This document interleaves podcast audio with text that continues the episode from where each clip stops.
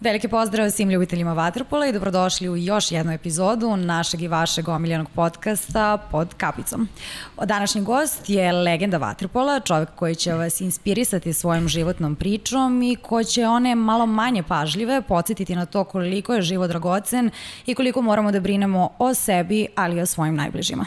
Čovek koji je danas naš gost je neko ko je pod različitim kapicama osvajao sve ono što se može osvojiti, ali ja pre nego što ga najavim ću iskoristiti priliku pa da te pitam, tačnije da te zamolim da prokomentarišeš početak nacionalnog šampionata Srbije. Tek je počelo, a već je uzbudljivo.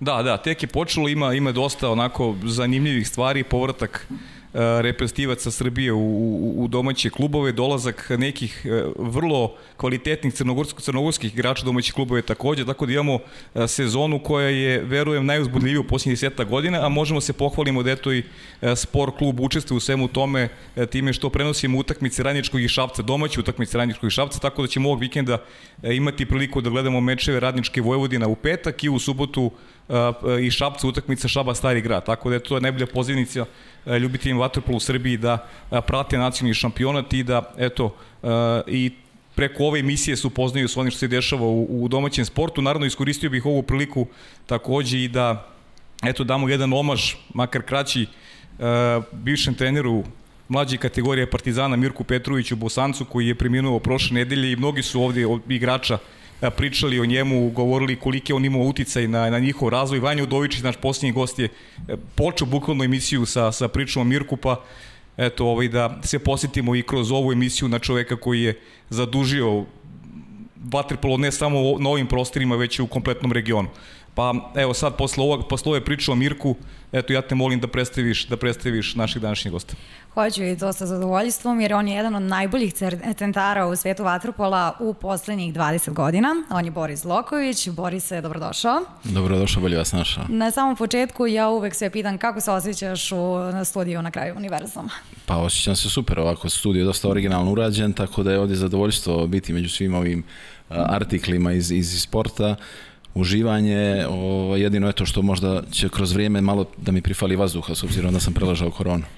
E da, o tome ćemo tek pričati. O tome ćemo pričati, Boris i sa moje strane, evo konačno se, konačno se vidimo, ovi, čuli smo se tokom leta, bio si e, u Crnoj Gori, zaista mi je veliko zadovoljstvo što si ovde, mnogo toga imamo da pričamo kad je Vaterpol, Vaterpol u pitanju, tvoja karijera je vrlo interesantna i bogata, ali za početak, ajde reci mi pre svega kako se osjećaš e, posle preležene korone, osjećaš li posledice i da li si počeo da živiš normalno?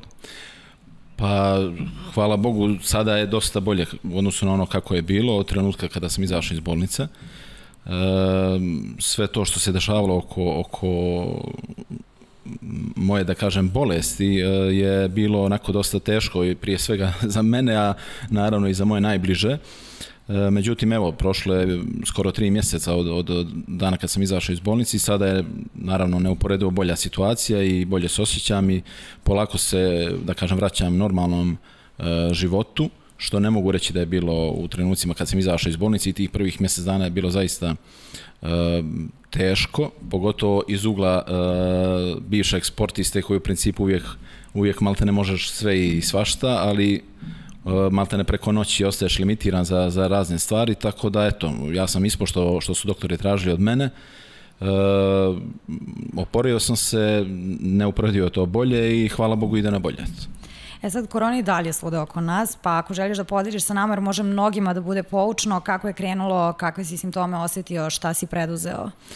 Pa u principu meni je krenulo tako što sam se jedno jutro probudio i, i vidio da se loše osjećam, da sam izgubio odmah čulo mirisa i ukusa, dobio temperaturu, znači sve mi je to bilo jasno još to jutro da, da sam dobio, dobio koronu, prije toga zaista nisam imao nikakve, nikakve simptome, e, mislim da sam i vodio računa o, o svemu tome, međutim, eto, to jutro sam se tako probudio, odmah sam, da kažem, rekao supruzi da, da djecu odvede e, kod majke, ona je to uradila i, i dobro se ispostavila zato što, zato što su oni prošli, da kažem, ok sve.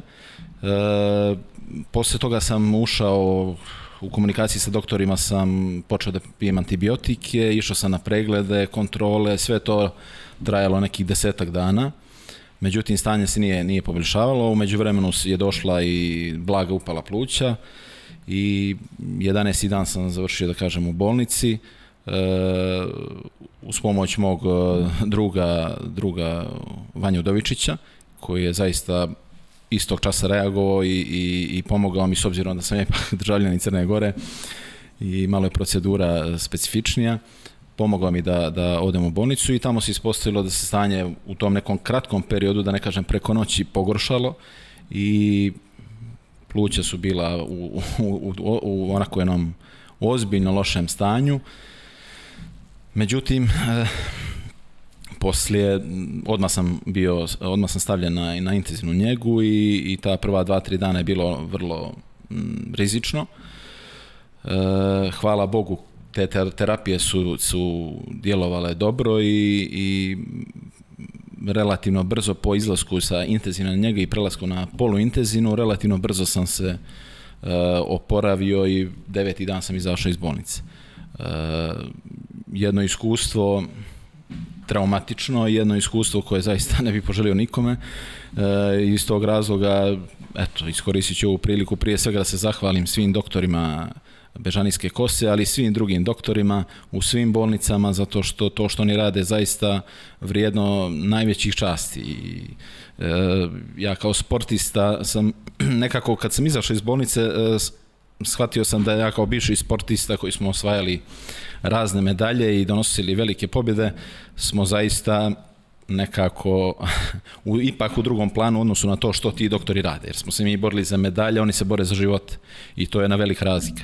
Tako da zaista mislim da tim doktorima treba odati jedno veliko priznanje i počasti kada sve ovo prođe. E,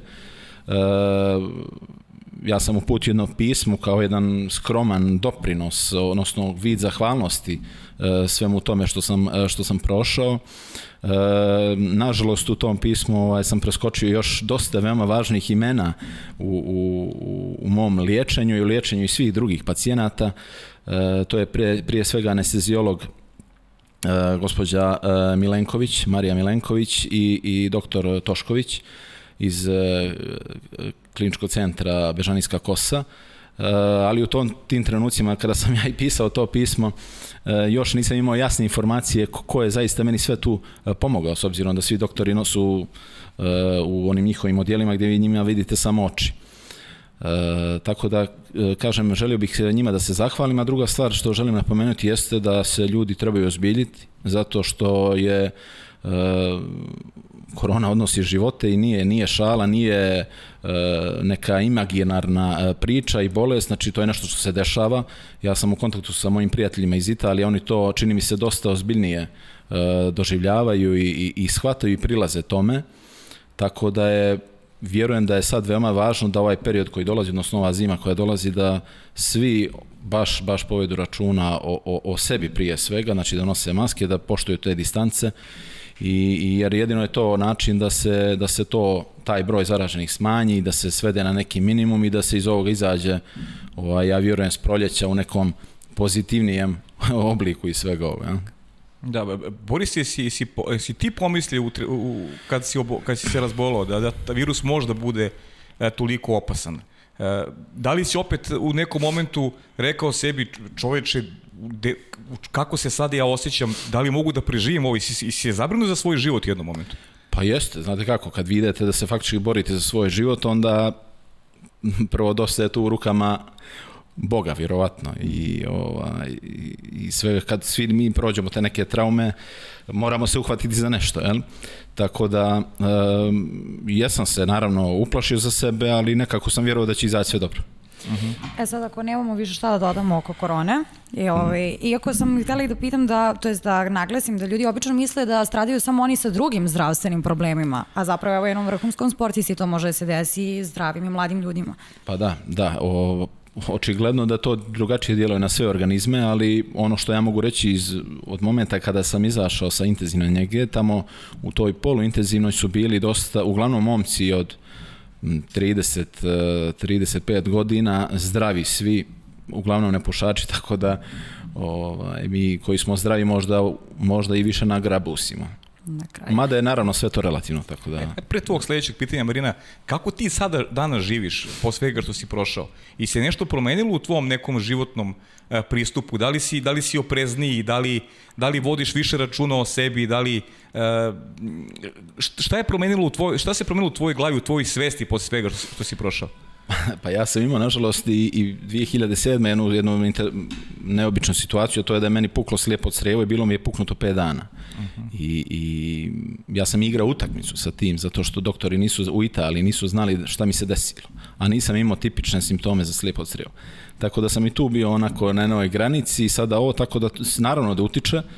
I ono što mogu reći je da, da nekako apsolutno su vam jasni prioriteti, i naravno porodica. To je da definitivno najvažnija stvar i, i djeca i sve, ono ostalo što je van, tog, van toga mislim da je potpuno trivialno, prolazno i, i nekako ne treba mu posvećivati previše emocije. Da li je to u pitanju posao, da li je to u pitanju ne znam, pobjeda, poraz u sportu, potpuno je to nekako iz ugla osobe koja je prošla te neke stvari, to je zaista onako, mogu reći slobodno i trivialno. I možda je to i najbolja poruka, Bravo. jer treba najviše brinemo o sebi i svojim najbližima. Ja bih prešla malo vedrije teme. Slažem se. I da krenemo od vaterpola, tačnije tvojih početaka. Rođen si u Kotoru, ali manje više pored toga što si odrastao na moru, vaterpolo je tebi deo nasleđa. Pa jeste, moj otac se bavio, bavio vaterpolom, bio je dugogodišnji reprezentativac stare Jugoslavije, SFRJ. O, e, igra u Jadranu iz Herceg Novog, tako da sam ja, da kažem, rođenjem e, nekako bio možda i već e, usmjeren ka, ka vaterpolu. E, ne mogu reći da je to bio najveći razlog, sigurno drugi razlog i taj što, što e, sva djeca u Boki Kotorskoj se bave vaterpolom. I ja ne poznajem klinca koji nije bar probao da igra vaterpolo i da trenira. Tako da je sigurno te dvije stvari su uticale da ja krenem u, u tom pravcu i, i mislim da je, na kraju vidim iz ovog ugla danas da je to možda i bio dobar put. Dobar put. A kaži mi kakav je Stanko bio kada si počinjao? Da li je bio strožiji prema tebi ili prema, ili prema drugoj deci? Da li ti je bilo teže e, da njemu pokažeš da si, da si ovaj vredan tog poziva, vredan, vredan vaterpola?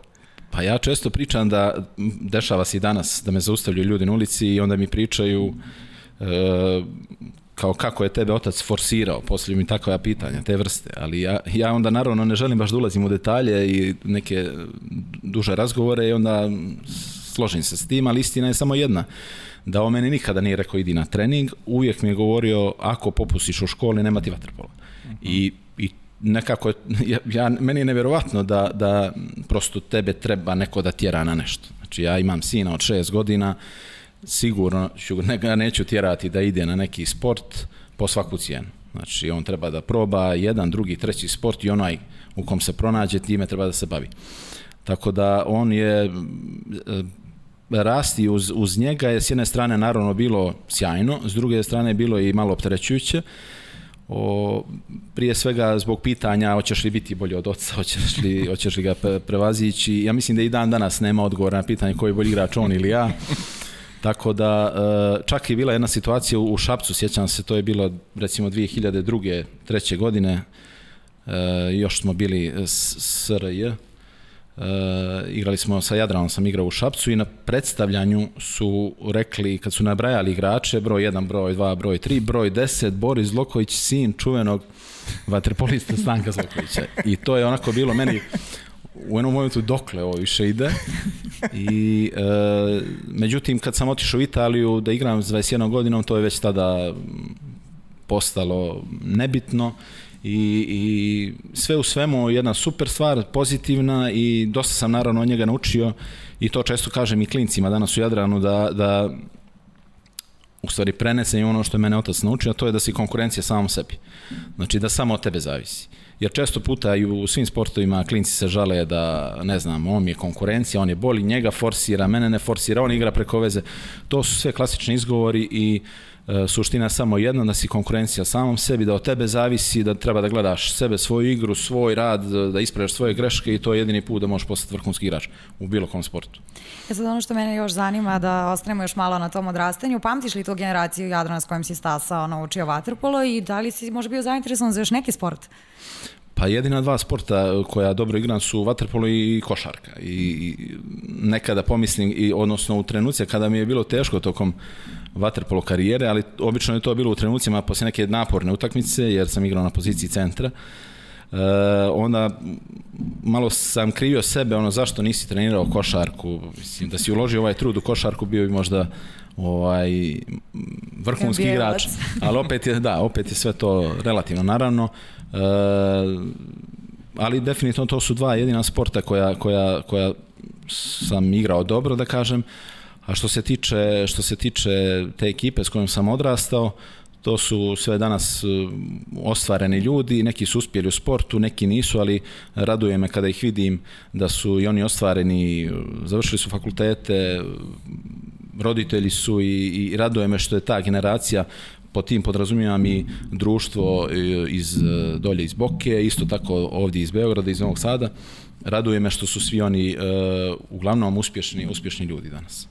E, uvijek nas zanima da, da kad pričamo sa, sa bivšim igračima, sa ljudima koji su napravili zavidne karijere, da, da ih vratimo u prošlo, da se malo pristi trenera sa kojima su, sa kojima su onako odrasli, učili vaterpolo. Možda ih tada kao klinci nisu gledali sa, sa možda toliko razumevanja uh, i, i poštovanja, pa me zanima kako ti pamtiš te tvoje prve trenere, prve trenere u Jadranu i kaži mi da li je ta pozicija centra bila onako prirodno definisana i zbog fizičke konstitucije ili, ili, je, o, ili je možda neka druga odrednica bila kada, kada, pa, kada su treneri, ovaj, kada su treneri po znacima navoda vaspitavali kao igrači? Treneri su veoma bitan faktor. Ja sam imao sreću zaista da kao klinac me trenira Ljubisav Garilović zvani Koreja iz Herceg Novog. On je dugo godina u Jadranu, u Jadranu bio jedan od najvjernijih eh, navijača i ljudi vezani za Jadran. Eh, on je čitao tu moju generaciju, što mislim da jeste uloga trenera, pogotovo u tim periodima kada su oni u periodu od 10. do 12. 13. godine.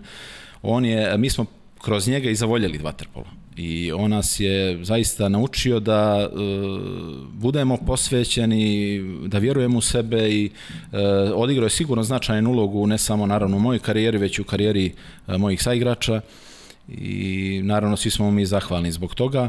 Već posle toga su, posle njega su dolazili Zoran Ivanovski koji je opet dao jedan svoj veoma važan doprinos baš u mojoj igri, odnosno igri e, na poziciji centra a poslije su već dolazili e, Petar Porobić, Nena Manojlović i, i zaista od svih njih e, sam se trudio da učim, da izvučem ono što je najbolje, e, ali isto tako naravno da su svi oni bili savršeni, nisu bili kao što ni, ni mi nismo bili i mislim da je taj pristup bio, bio sasvim u redu.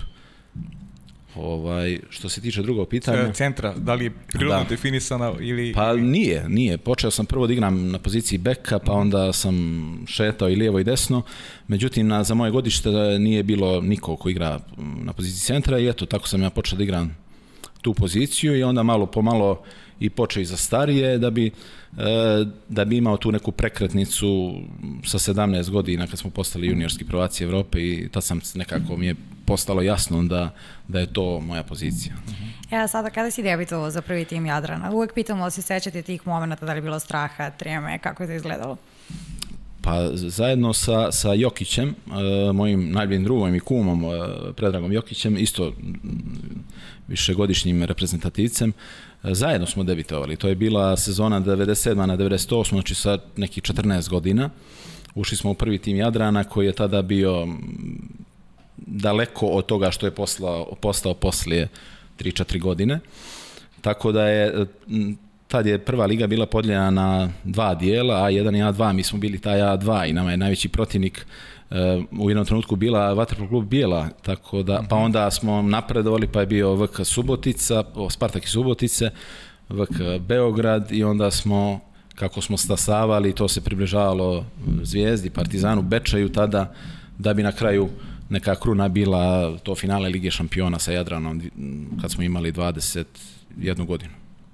E, u neku ruku imao si, da kažem, i sreću što si stasavao u takvoj generaciji gde su bili Jokić, Gojković, došao je kasnije Denis Šefik, došao Vanja Udovičić, ne želim nekog da zaboravim, ali sada iz ove perspektive kad gledamo koliko je to moćna ekipa bila, a svi ste u to vreme bili baš mladi. Pa jeste, sigurno prije svega dolaskom Petra Porobića iz Bečeja, i uzimanje nas klinaca, da kažem, kao 14-godišnjaka, to je bila neka, da kažem, prevaga velika Jadran je od te neke niže prosječne ekipe polako stasavao iz godinu u godinu. U datom trenutku je došao Denis Šefik, pa onda je Vanja ojačao ekipu i mi smo zaista sa njima postali na kraju kraja vice šampioni Evrope. E, to je bila zaista jedna interesantna ekipa e, koja je mene dosta i posjećala poslije na reprezentaciju Crne Gore, gdje je tih prvih sedam igrača bilo, da kažem, na jednom, na jednom nivou, možda rezervna klupa je bila malo tanja, ali kao tim i kao ekipa smo zaista bili, bili izuzetno dobro organizovani, e, sinhronizovani, dosta se radilo i ti rezultati, ti osvajanje tih titula i, i ta Liga šampiona nisu slučajno došli. E sad upravo sam to i htjela pitam, bila je jaka konkurencija, a vi ste dominirali kroz domaći šampionat i osvojili dve titule? Da, da, mi smo bili ipak u tom periodu recimo neko nasljeđe onog Bečeja koji se, da kažem, ugasio neke 2020, 2001. druge. E, do tada je dominirao jedno 5-6 godina i mi smo onda istasali godinama igrački da, da preuzmemo sve to. E, međutim, okolnosti nisu prosto dozvolile da, da mi imamo jedan duži kontinuitet i već 2004. godine sam ja otišao u, u Napolju po Silipo, godinu dana posle toga Vanja mi se pridružio, tako da ekipa je polako počela da se, da se rasipa, međutim, uz dobru strategiju uprave Jadrana, e, do, dolaskom drugih nekih igrača, e, ipak ta ekipa se konsolidovala i uvijek je bilo u prvih e, osam ekipa Evrope. Tako da je to veoma važno iz ugla danas mene kao potpredsjednika Jadrana da smo u tom periodu, odnosno da je uprava Jadrana u tom periodu zadržala taj neki kontinuitet, a ne kao što se najčešće dešava da, da preko noći se klub ili ugasi ili ga više nema i na kraju krajeva tako nešto se desilo i Primorcu. Oni su osvojili ligu šampiona i ovo već uh, deset godina ne mogu da se konsoliduju. Da. A vi ste generacije koje je donela titulu Jadranu posle, ja ne znam... 44 godine. 44 godine, zaista neverovatan period. Koliko Jadran čekao, toliko igrača odraslo na škveru, toliko je Jadran veliki klub na ovim prostorima, a toliko dugo se čekao na, na šampionski, na, na šampionski trofej i to je jedan veliki podvig. A još malo bih te vratio na tu Budimpeštu, na taj Final Four, bili ste izuzetno mlada ekipa i znam da je malo nedostajalo da uzmete titulu. Da li je to možda bio faktor i domaćeg bazena koji je, ako se ne varam, imao Honved tada u, jest, u velikom jest, finalu? Honved je bio, Honved nas je pobjedio u finalu, oni su ujedno bili domaćini u Budimpešti, tako da e, sigurno je to dosta uticalo. E, mi smo bili, da kažem, ne, ne dovoljno iskusni da bi pobjedili tu utakmicu, ali igrački oni nisu bili bolji od nas. E, imali su bolje imena, ali kao ekipa mislim da smo i da smo mi pobjedili, to ne bi bilo nezasluženo. E, meni jedina utjeha vezano za to što sam godinu dana poslije istog tog Honveda pobjedio s Posilipom, pa onda sam nekako ovaj, na, na nuli smo. e sad upravo kada pričamo o Posilipu, posle tog Final Fora skrenuli ste pažnju na sebe i javili su se najjači klubovi iz najjačih svetskih liga. Ti si je zabrao Napolj, koji je za to vreme bio pojam. Da li je bilo drugih opcija ili... Pa mene Posili pozvao od 18. godine i tri godine su onako insistirali da dođe, međutim e, ja sam imao taj obavezujući ugovor sa Jadranom i nisam mogao da, da odem, ali sam uradio jednu dobru stvar što sam ja već tada ušao u pregovore s njim. E, kao da nemam obavezu da ostanem u Jadranu. I, i posle tri godine e, zvao me i Olimpijakos i Barceloneta, međutim, međutim ja sam odlučio da idem u, u Posilipo iz više razloga. Uh, prvi je razlog taj što, što je meni kao klincu bio iz, san da igram u Posilipu, eh, jer je 90. godina, krajem 80. i 90. godina Posilipo bio, ne znam, kao Real Madrid u futbalu i bio je klub broj 1. Tako da mi je to bio jedan san kao klincu. Drugo, život u Napolju, dosta sam oprečnih mišljenja čuo i onda sam želio da probam, da vidim kako to sve izgleda. Dobio, dobio sam i upozorenja od mojih saigrača iz reprezentacije tada da vodim računa da, da su i sami igrači iz Posilipa specifični, Međutim, sve to nekako me motivisalo da, da na kraju potpišem sa, sa njima i apsolutno nisam pogriješio. E sad, izvini, ja moram da Ajde, ajde, prekinem. slobodno. A, Mene najviše zanima Napulj, baš smo pričali sa Vanjom, on kaže da je uživao i u hrani, i u vinu, i u tom hedonističkom stilu. Pa jeste, Napulj je zaista jedan specifičan grad. E, ja sam tamo pet godina proveo i stekao puno prijatelja i e, to je grad krajnosti, vi tu nemate neku sredinu, znači ili se voli ili se mrzi, ili se ljubimo ili se svađamo, znači nema sredine i e, oni žive u trenutku, znači nije nešto što odlažu, nije recimo kao što je bilo u Đenovi dok sam živio, da samo se vodi računa koliko ćemo para da potrošimo, koliko ćemo da uštedimo. Napolje je potpuno druga priča i e, sve je iskrenije, e, otvorenije, m, naravno vrijeme je sjajno, e, energija grada je nestvarna, mislim svakom preporučujem da ode u Napolje, ali ne da provede dva dana ili tri, jer to je grad koji zaslužuje da bude tamo najmanje 10 dana i ono što je sigurno jeste da ukoliko to okusite, sigurno ćete mu se vraćati. Tako da Napolje, e, ja sam otišao u Napolju sa 21 godinom već kao reprezentativac e, Jugoslavije i mislio sam da sam onako podosta prošao u životu, a onda tek kad sam otišao tamo shvatio sam da ne znam ništa i, i, i nekako sam rastao u Napolju, E, mogu reći slobodno da je Napolj jedna škola, škola života i pet godina tamo je jedno veliko, veliko životno iskustvo. Tamo u suštini cijele priče nema iznenađenja. Tamo je sve moguće i mislim ja bih vam samo mogao baš satima pričati o Napolju, tako da... Pa ajde, kažeš nešto, šta imaš? Mi Pa- ga znamo najviše iz onih krimi filmova. Da, da, da, da, Pa da, ne, da. i to, i to je naravno isto, vidim ove serije Go, Gomora i u principu to jeste Napolj, vi imate... Pa i ovo, izvini, 000, to je Napolitanac pisao isto. Da, To je, da. to je Napolitanac pisao, pa je napravljena i serija koja je sad bila vrlo aktualna tokom ove pandemije koronavirusa. Pa nema, kažem, svaki dan je tamo neki izazov i i recimo ja sam pet godina živio tamo, jednom me zaustavila policija, na primjer, samo jednom, i vozio sam jednosmjernom ulicom, nisam bio vezan, pričao sam na mobilni telefon. I oni su, ono, kao šta, kako, ajde, kao idi. znaš. E, sad se vidim da se malo dovelo to u red, ali vi nemate, niste, tada niste imali semafor na koji ste stajali. Možda su bila samo dva u čitavom gradu od 2,5 miliona ljudi da, da neko stane. Sad vi zamislite Beograd da nema stajanja na crveno.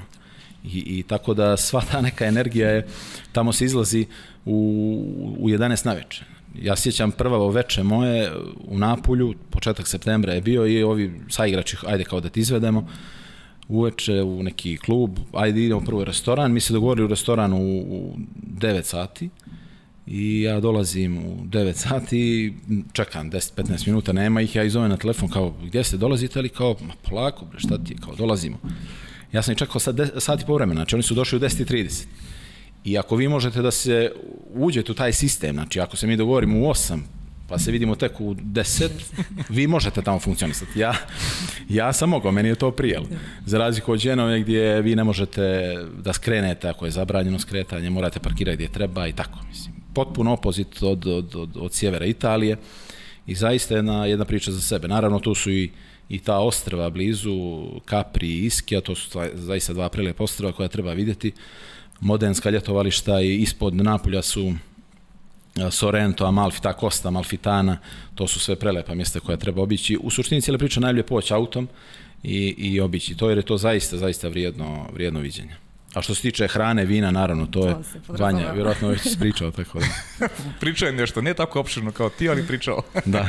Pa dobro, mi smo se super družili tamo, Vanja, imao tri, Vanja je igrao tri godine tamo.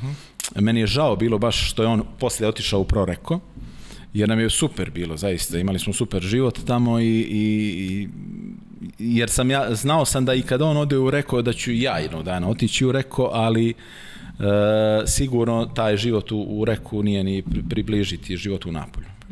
Da. E, ajde podsjeti malo na tu titulu prvaka Evrope koji se svoju rekao si osvetio si Jadran pobedom protiv Honveda i ono što je meni bilo specifično za, za, za Posilipo i to vreme, znam da je Raj tada prenosio utakmice Vatepolo šampionata, pobediti u Napolju, to je bilo u domenu naučne fantastike. Imali ste i tu vernu publiku, kao što je recimo Napoli ima danas u futbolu, Vaterpolo je baš onako bio in u Napolju u to vreme i tribine su bile uvek pune i pobediti zaista na vašem bazenu, mogu slovno kažem na vašem bazenu je bilo Pa jeste, teško. jeste. Napolje u principu imaju futbal, pa nemaju ništa, pa imaju vaterpolo i to je to.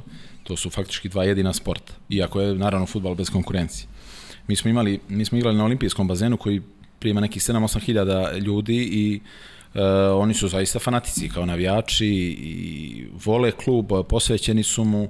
Uh, tačno je da niko nije malte ne mogao pobjediti u Napolju zato što ukoliko i pobjeđuje došlo bi do prekida utakmice. Obično bi nastao neki Pa ne, nastao bili neki incident ili neko sa klub sa tribina uskoči, ne znam, udari trenera protivničke ekipe ili ili igrači krenu da dižu frku. Tako da teško je bilo. Ja ne znam da li smo mi ikad izgubili tamo sa ovih pet godina, možda jednom od proreka, to se sjećam. Uh, tako da taj Honved kada je došao u finalu Lige šampiona, onako došao je Uh, idealno. garda. pa u principu skoro spušteno garda i mi smo imali lošiju ekipu, mi smo imali lošiju ekipu, ali smo ih pobjedili. Uh, Napolitanci imaju tu zaista jednu crtu da, da imaju taj neki klik da prosto uh, daju sve od sebe. Znači ne ono 100%, oni u jednom trenutku daju svi 150%. I to su veoma bitne stvari da bi se osvajale osvajali trofeji.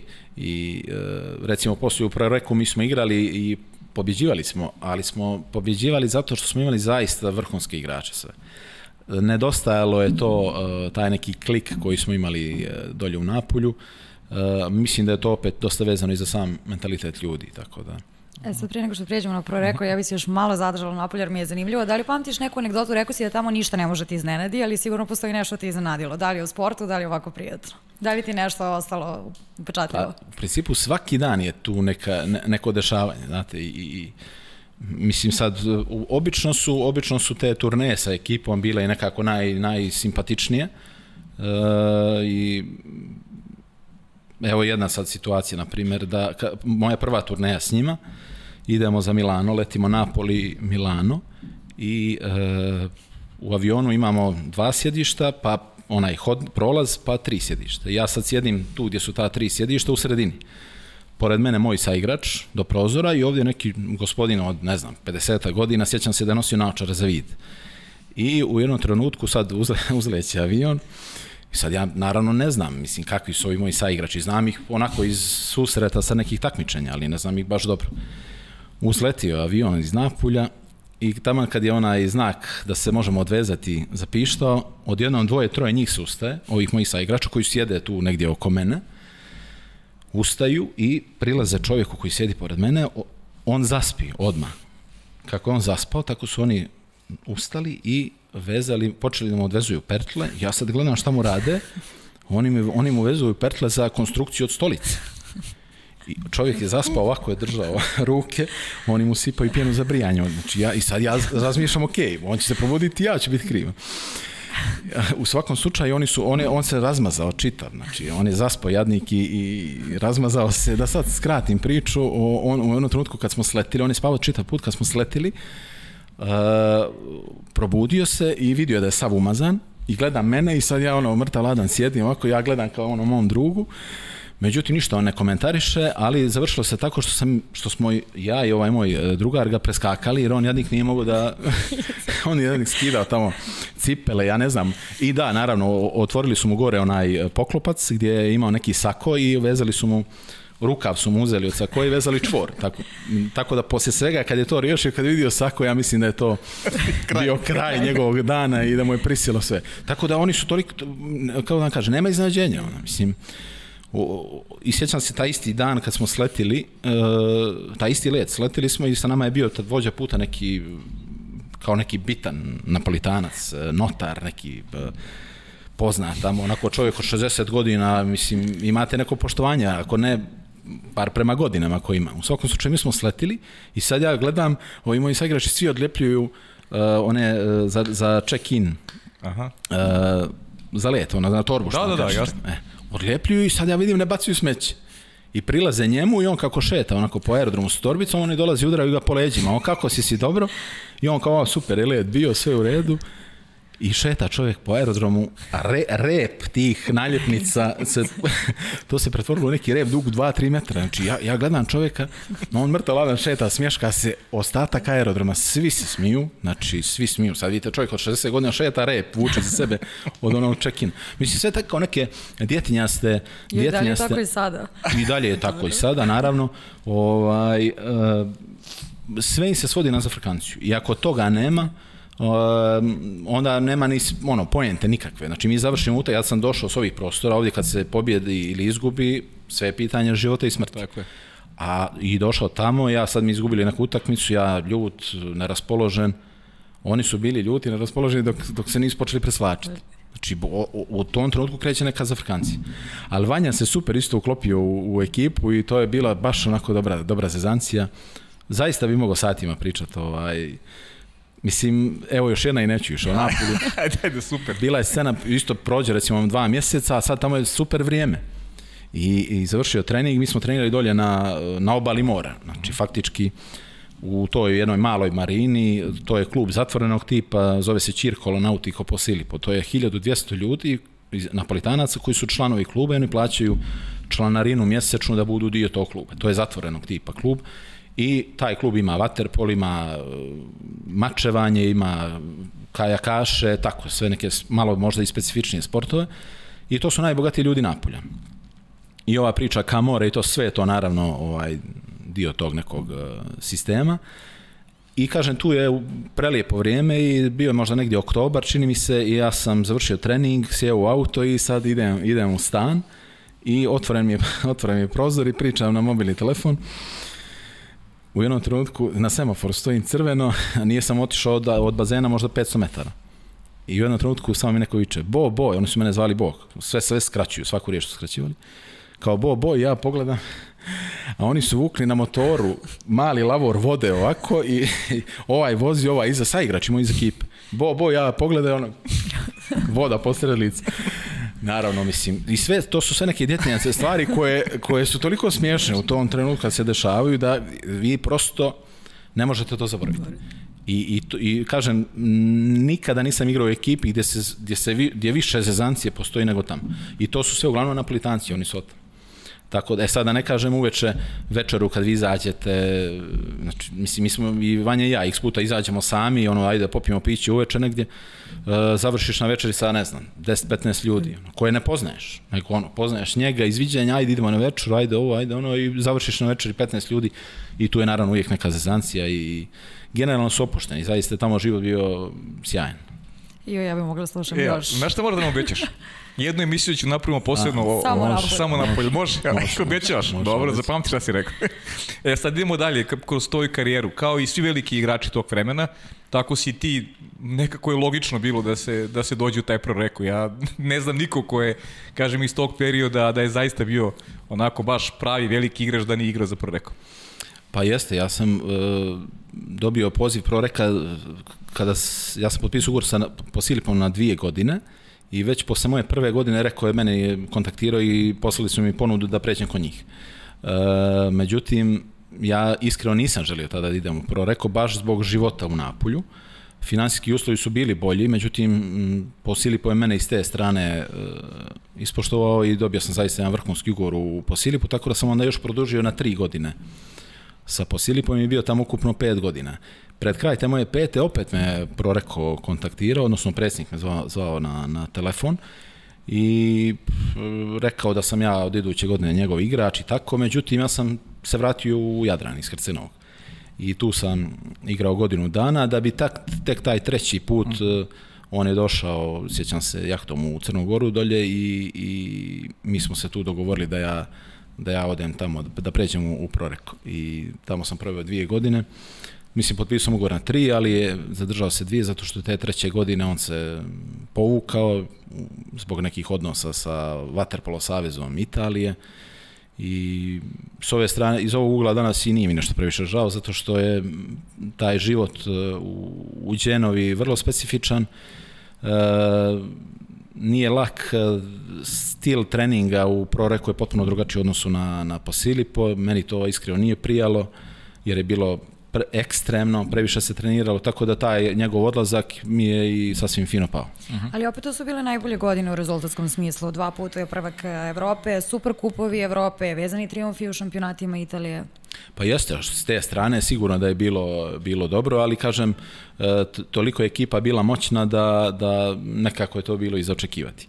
Tako da i sam, e, možda je i nedostaje, e, bila je prisutna tenzija kod nas igrača, međutim, ona nije bila baš, ne mogu reći da je bila vezana za za više je došla kao rezultat, e, ljudi, mi smo plaćeni, mi moramo da pobjedimo za razliku od Napulja ili naravno drugih klubova gdje ipak nije to bilo nešto o čemu si previše razmišljao, znači igraš da pobjediš. A proreko je bilo e, i mislim da je većina igrača tako i to i doživljavalo, ok, došli smo, imamo super ugovore i ajde pokušamo odraditi to. Tako da prosto falila je ta jedna nit koja meni nije prijala i u principu Uh, srećan sam otišao. Znači, bolje ludnica u Napolju nego Miro Reko. pa, sigurno.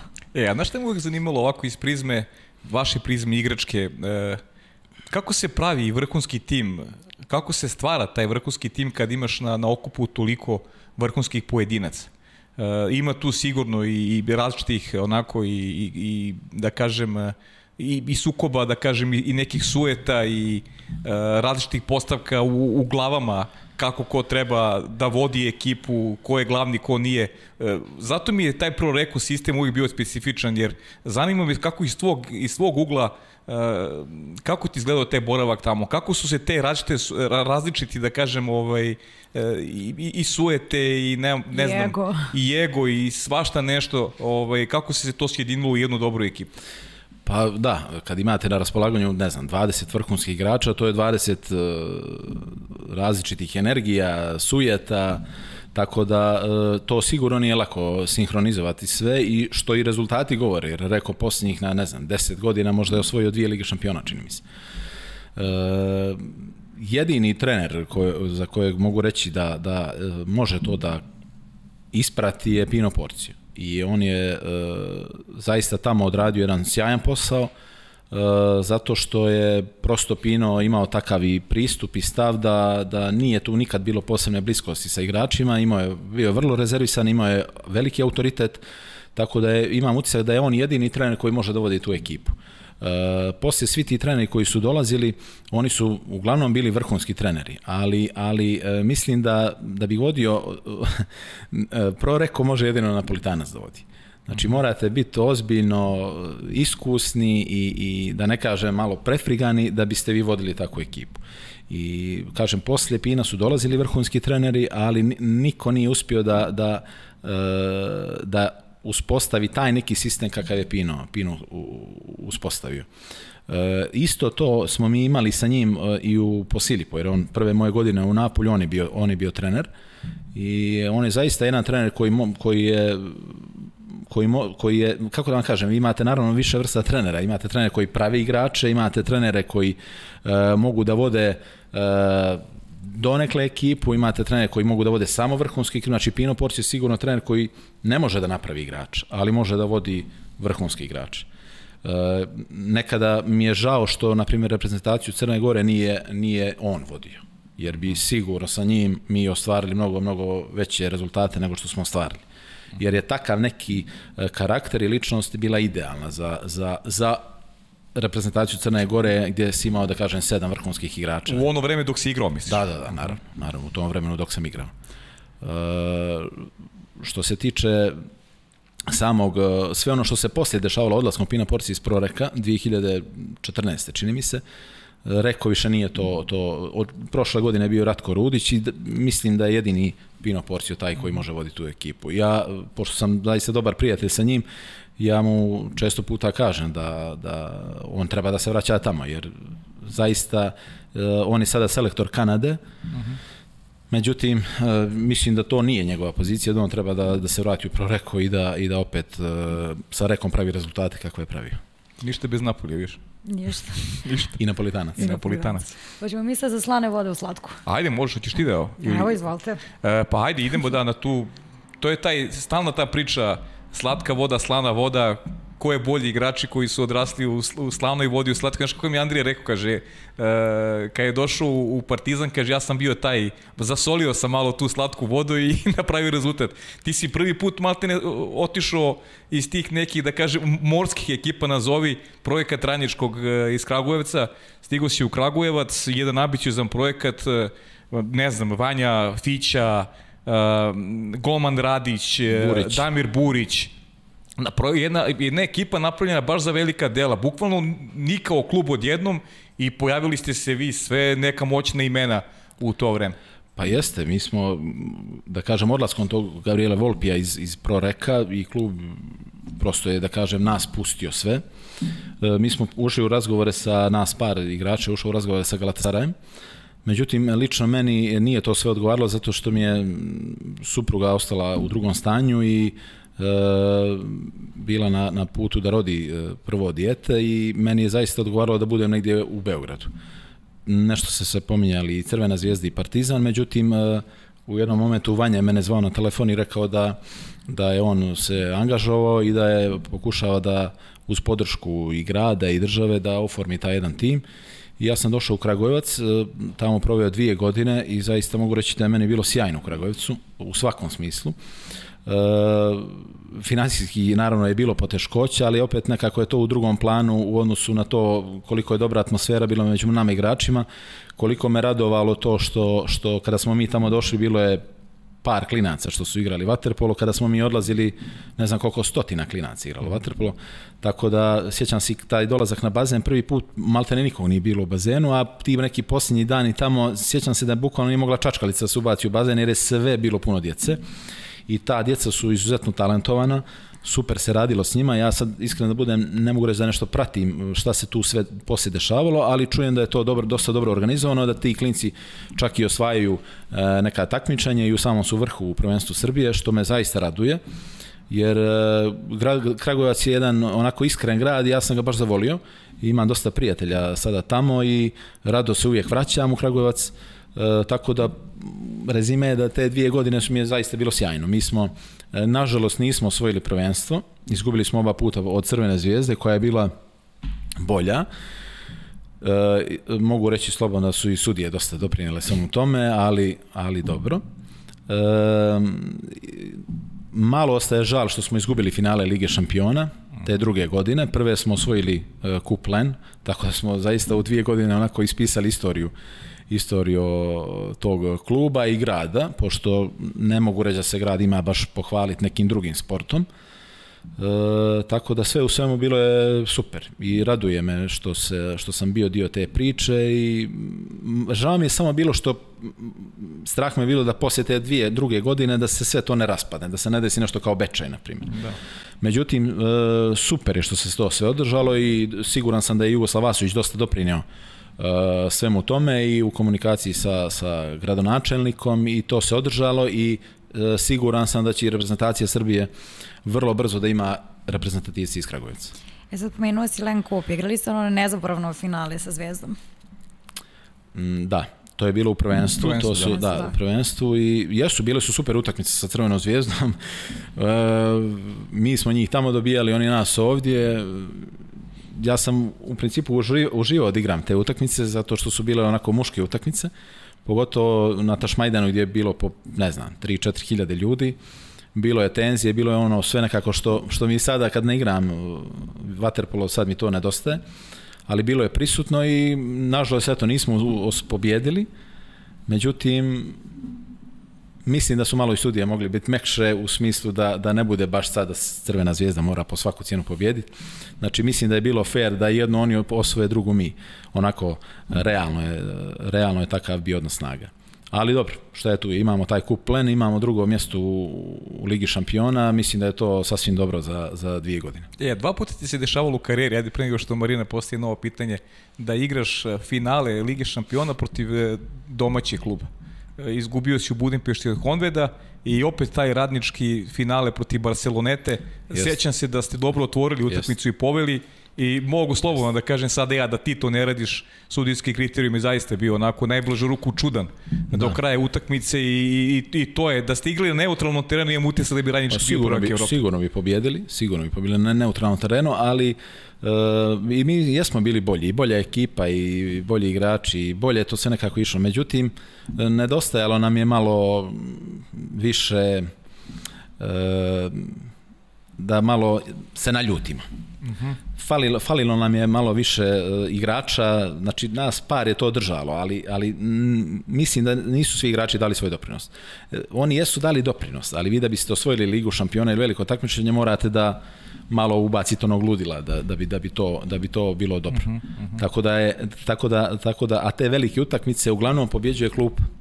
Znači, da, da. rezervni igrači su ti koji prave razliku. -huh. Mislim, slična situacija nama je bila u Crnoj Gori, ona, sa reprezentacijom. Znači, Srbija je uvijek imala odličnu klub, a na, naši su isto dobri bili, ali ne na nivou srpske uh, reprezentacije. Doćemo do toga. I to je, i to je pravilo prevagu. E sad se opet vraćamo u Jadran, a, kraj karijere, zašto, zašto si se oprostio i kada? Pa da, poslije dvije godine Kragujevca vratio sam se u Jadran. E, prije svega umoran od povreda i mene kroz karijeru nažalost su me pratile svake godine sam imao neke velike teške povrede e, od napuknutih rebara do pucanja bubnih opni, prste u oči, mislim svašta nešto, ramena, leđa, slepo crevo, e, slepo crijevo, koljeno, meniskus, znači bukvalno sve, sve tu, svega je tu bilo i, i, i, i posle svih tih povrada, povratak je onako, prosto troši čovjek. I ja posle te dvije godine Kragujevca zaista sam se psihički umorio, isključivo zbog tih povreda i onda sam odlučio da se vratim još godinu dana u Jadran i da pokušam odigrati olimpijske igre u Rio de Janeiro. Međutim, te, na početku te sezone, poslije mjesec i po dana, dva, e, baš smo igrali protiv Crvene zvijezde, u jednom duelu je kao, kao da je pukla na sajla, toga se sjećam. U stvari, meni je napukla e, tetiva i rame onako baš bilo ozbiljno povrijeđeno, to je trebalo operisati, pa ne praviti neke pauze. Vjerojatno još jednom operisati i zaista nisam više mogao da se, da se vraćam poslije tih povreda. Dobio jedno dijete, drugo bilo na putu, tako da sam uh, odlučio da završim karijeru. Žao mi je zbog te uh, olimpijade jedne što sam propustio, jer i 2004. na olimpijskim igrama u Atini to sam propustio zbog povrede šake. Tako da, eto, svi ti povraci uh, troše, troše čovjeka i odlučio sam da stavim tačku i apsolutno sam uradio dobru stvar. E, Boris, kad je reprezentacija u pitanju, igrao si za više zemalja, kao i svi ovi prethodnici. Ja se, ja se šalim pa kažem da sam igrao još par godina, možda bi za Boku Kotorsku. Da. Mnogi će se sad naljutiti, ali... E da, poč, ali počelo je sve kao reprezentativac Jugoslavije, još za juniore u Bariju, 2002. godine kada je osvojeno, osvojeno zlato. Aj malo nas podsjeti ko je bio selektor, ko je igrao u toj ekipi. Davno beše, ali pa, sećaš se, verujem. Da, u principu počelo je sve 97. godine, uh. -huh. gdje je bilo to neko prvo skupljanje nas 15-godišnjaka, 16-godišnjaka. E, ja sam bio tu među najmlađima E, i 98. to su sve neki bili turniri da bi 99. godine igrali e, prvenstvo Evrope u Sofiji za 81. godište, znači dvije godine stariji od mene. Ja sam, ja sam tu sa Bobanom Nikićem mijenjao na poziciji trećeg centra. E, sjećam se da nas je vodio Nena Manojlović i, i, ta, i ta, de, ta 99. godina, ljeto te 99. godine je bilo izuzetno teško jer su pripreme bile veoma, veoma teške. Međutim, nekako posle tih priprema moji saigrači znaju o čemu pričam, svi smo mi izašli mnogo jači, psihički, mentalno, u svakom smislu smo izašli jači i poslije smo na tom prvenstvu bili četvrti. Sledeće godine se dešava da dolazi Miško Krivokapić, zvani Krivi, na mjestu selektora iste te reprezentacije, znači za 81. godište, i e, mene poslija za prvog centra, a Bobana Nikića za drugog vraća Jokića u ekipu uh, i pravi još neke izmjene, ja sad tačno ne sjećam još koje, međutim ta generacija malte ne podmlađena, za dvije godine starije godište, osvaja prvenstvo Evrope u, u Njemačkoj, to je juniorsko prvenstvo uh -huh. Evrope. I to je konkretno u mojoj karijeri presudan trenutak da, da ja nekako shvatim da mogu da budem vrhunski igrač. Uh -huh. Zaista, to je neki trenutak. Do tada ja sam vaterpolo doživljavao kao hobi, ne mogu reći da sam bio neki najvrijedniji igrač, nisam, ali sam trenirao redovno i, i, i volio sam ga, ali nikad nisam nešto sad zamišljao da ću ja biti ne znam kakav. Govorio sam da bi volio da igram jednog dana u Posilipu i tako to, ali ne znam sad baš koliko sam to onako istinski i mislio. U svakom slučaju, poslije tog uspjeha, moj pogled na Waterpolo se promijenio, ja sam ga zaista ozbiljnije shvatio i shvatio da mogu da budem zaista vrhunski igrač. I u tom trenutku već nekako sam sa sobom uh, odlučujem da ozbiljnije svemu tome priđem. I u tim godinama zaista onako uh, baš posvećeno radim na, na sebi i na svojim manama igračkim i kroz vrijeme sam znao da će to doneti rezultate kao što i donijelo. E sad pitala sam te za debiju u prvom timu Jadrana, sada ti vidim za debiju u nacionalnom timu. Kako je to izgledalo?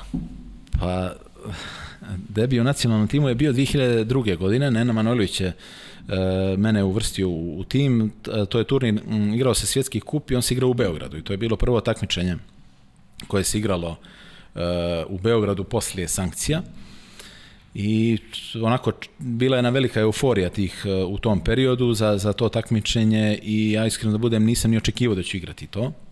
Međutim, u jednom trenutku, odnosno dva dana prije takmičenja, sjećam se u hotelu Jugoslavija smo bili i selektor Manojlović mi kaže da sam ja dio, dio, dio tima. E, Vanja Udovičić i ja smo u principu od te mlađe generacije ušli, ušli e, da igramo to takmičenje. I tu je bilo, sjećam se, pet utakmica, mi smo na kraju završili na trećem mjestu, ali za mene je bio onako jedan veliki, velika satisfakcija prije svega i sjećam se, sjećam se e, kada smo igrali protiv Mađara, onako sav sam bio jeli, uzbuđen da ne primim go i da nešto pokušam uraditi u napadu. Posle ne znam koliko, jeli, osam godina sa Tiborom Benedekom, kad sam mhm. pričao u proreku, kad smo zajedno igrali, on, onda mi on iz svog ugla pričao, kaže, dolazim ja i ono igrali kao protiv vas u Beogradu te 2002. godine, I u jednom trenutku ulazi neki klinac, ono, ono, stisnuo me, kaže, bio zagrkljan, ono, nisam se pomjerio. Ono. Vidim ga, ja kaže, on je naš, kao, ma neću da ulazim u duel s ovim klincem, previše kao blesav, na. I ovaj, tako da je sve to bilo, jeli, jedan veliki doživljaj i uh, poslije toga nekako sam postao standardan reprezentativac. Počeo sam kao treći centar, da bi na kraju bio ono prvi centar. Na, nažalost, desila mi se ta povreda 2004. godine i onda sam propustio olimpijske igre. To mi je žal velika.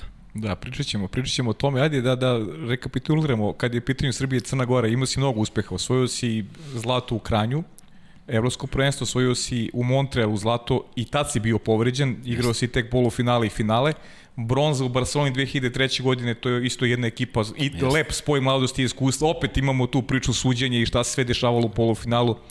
I kakva su e, tvoja sjećanja na ta tri, recimo, takmičan gde si osvajao medalje i koje ti je, da li postoji neka koja ti je najdrža od te tri i koje, koje uspomene nosiš sa, sa, sa ta tri takmičenja? Pa sigurno je to, sigurno je to uh, kranj. 2003. godine i finale protiv eh, Hrvat, hrvatske reprezentacije i ta jedna utakmica u ambijentu koji je bio onako nerealan. Mislim da, mislim da u nijednom sportu nije bio takav ambijent nikada. Mislim došlo je do toga da, da na dodjeli medalja prvo nismo mogli da dobijemo medalje, drugo došlo je do toga da su navijači želeli da se fizički obračunavaju sa nama, igračima. Jedna očajna organizacija uh, Slovenije, tog finala konkretno, mm -hmm. tako da uh, time, time je i ta pobjeda bila draža zaista. I, i to je jedna onako velika pobjeda e, i da kažem ta prva neka velika utakmica gdje sam zaista dao svoj doprinos e, i e, sve to što se dešavalo poslije te utakmice naravno su stvari koje se nikad neće zaboraviti e, uključujući naravno kao krunu svega i doček ispred Skupštine e, ovdje u Beogradu, to je za mene bilo tada, tada prvi put, hvala Bogu dvije godine poslije se još jednom ponovilo, Tako da zaista to su te prve medalje se kao što i prva titula sa Jadranom, to su neke utakmice i takmičenja koje nikad ne može zaboraviti. I, i uvijek vas prate i to je jedan lijep, lijep osjećaj. Što se tiče same, same te reprezentacije, zaista e, imam žal što e, nekako ta reprezentacija taman kada je e, trebala da, bud, da postane da dominira, e, nekako se sve to e, smo se odvojili i, i to je onda potpuno krenulo u drugom pravcu ali sam siguran da, da, smo ostali, da smo ostali zajedno da bi, da bi ta reprezentacija imala bar dva olimpijska zlata. jer smo mi e, dolaskom, da kažem, nas četvoro, petoro mlađih, u spoju sa Šapićem, Ujasom, Dačom, Ćirom i sa njima, sa Denisom na golu, o, siguran sam da Mađari ne bi imali šanse. E sad, to sam i htjela da ti pitam za olimpijske igre koje si već spomenuo i za tu Atinu 2004. Da li ti je teško palo, da li si razmišljao, e da sam ja bio tu, možda bi pobedili te Mađare? Pa ne, ne, ne znam zaista, to mi je bio jedan onako uh, specifičan uh, osjećaj, prije svega zato što sam propustio olimpijske igre, a to sam u jednom intervju o, o, kad su me, kada su me pitali za, da komentarišem Šapića i njegovu igru i rekao, vi kada ste imali Šapića u ekipi, vi ste znali da imate medalju. I samo propuštanje tih uh, olimpijskih igara 2004. godine je za mene značilo, ok, ostajem bez medalje, E, da sam ja igrao ili nisam, ne znam šta bi bilo zaista i nisam o tome nikad ni razmišljao. E, prosto mi je žao što ja nisam bio dio te priče, pa po cijenu i da imam to srebro. E, te 2004. godine imali smo zaista sjajnu ekipu i poslije kada su momci izgubili u tom finalu na vrlo jedan nesrećan način od Mađara, naravno da mi je bilo izuzetno žao, zato što znam koliko su svi oni željeli, to zlato i e, na kraju krajeva i zaslužili. Jer zaista e, ta generacija, da kažem starija od nas, oni su zaista prošli jedan e, onako što mi e, sportski kažemo e, drill, E, kroz trenigre, pripreme, sigurno im je bilo sve to teže nego što je bilo generaciji poslije mene, kao što sam siguran da ove generacije danas koje dolaze njim, prema njima je blaže nego što je bilo prema nama. Tako da iz tog razloga mi je žao što ta generacija nije krunisala svoje karijere olimpijskim zlatom, jer apsolutno su to zasluživali, e, jer su u pitanju zaista vrhunski igrači. I, i e, njih 5-6 su igrači koje, koji su ispisali istoriju ovog sporta, i koji će, koji, koji će se uvijek i pamtiti, zaista. Mislim, imao sam sreću da igram zaista s vrhunskim igračima, ali ta 3-4 igrača ovaj, nisam baš imao priliku da sa takvim igram. Misliš na, na Šapića? Mislim na, na Šapića, mislim na Vujasa, Dača, Ćira, znači svi su oni na tim svojim pozicijama, Petar Trbović, znači svi su oni na svojim pozicijama zaista u tom trenutku bili najbolji igrači na svijetu. Zaista dolazimo onda Borise do, do one priče kada došlo do razdvajanja. Srbija i Crna Gora su krenula svako na svoju stranu, ali je Waterpolo dobio još jedan klasik, objektivno. Onaj koji ćeš ti sigurno najviše pamtiti je se odigra u Malagi 2008. godine kada su, eto, spletom okolnosti Srbija i Crna Gora je sastavila u finalu Evropskog prvenstva. Crna Gora je tada slavila. Kakve, kakve, kako se sjećaš, kako se sjećaš tog meča? Pa dobro, meč, mi smo znali da će biti tvrd meč. Ja se lično sjećam tog meča, to je najteži meč koji sam ja igrao u životu fizički, da, da u jednom trenutku sjećam se kad su bili neki prvi produžetak kada je bio, ja u jednom trenutku nisam znao gdje se nalazim. Zato što vi kad igrate na poziciji, znači zaista nisam znao gdje se nalazim i sjećam se da je Jokić kada je vidio u kakvom sam stanju na pauzi, uh, uh, vikao Vuk, Vukčeviću da uđe u igru. I posle Vukčević ušao u igru i dao gol, taj pobjedonosni. Uh mhm. -huh. Uh, ta utakmica za mene, ja kad neko pomene tu utakmicu, odmah sjetim tog umora koji sam imao u toj utakmici, bez obzira na pobjedu, jer, je, jer vi kad igrate protiv Srbija i čuva vas, uh, ne znam, dođe prvo Rađen, pa onda dođe uh, Vanja Udovičić, pa dođe Vlada Vujasinović, pa dođe Deki Savić, ono, mislim, i onda, ja, onda se ja čudim što imam problem sa diskus hernijom.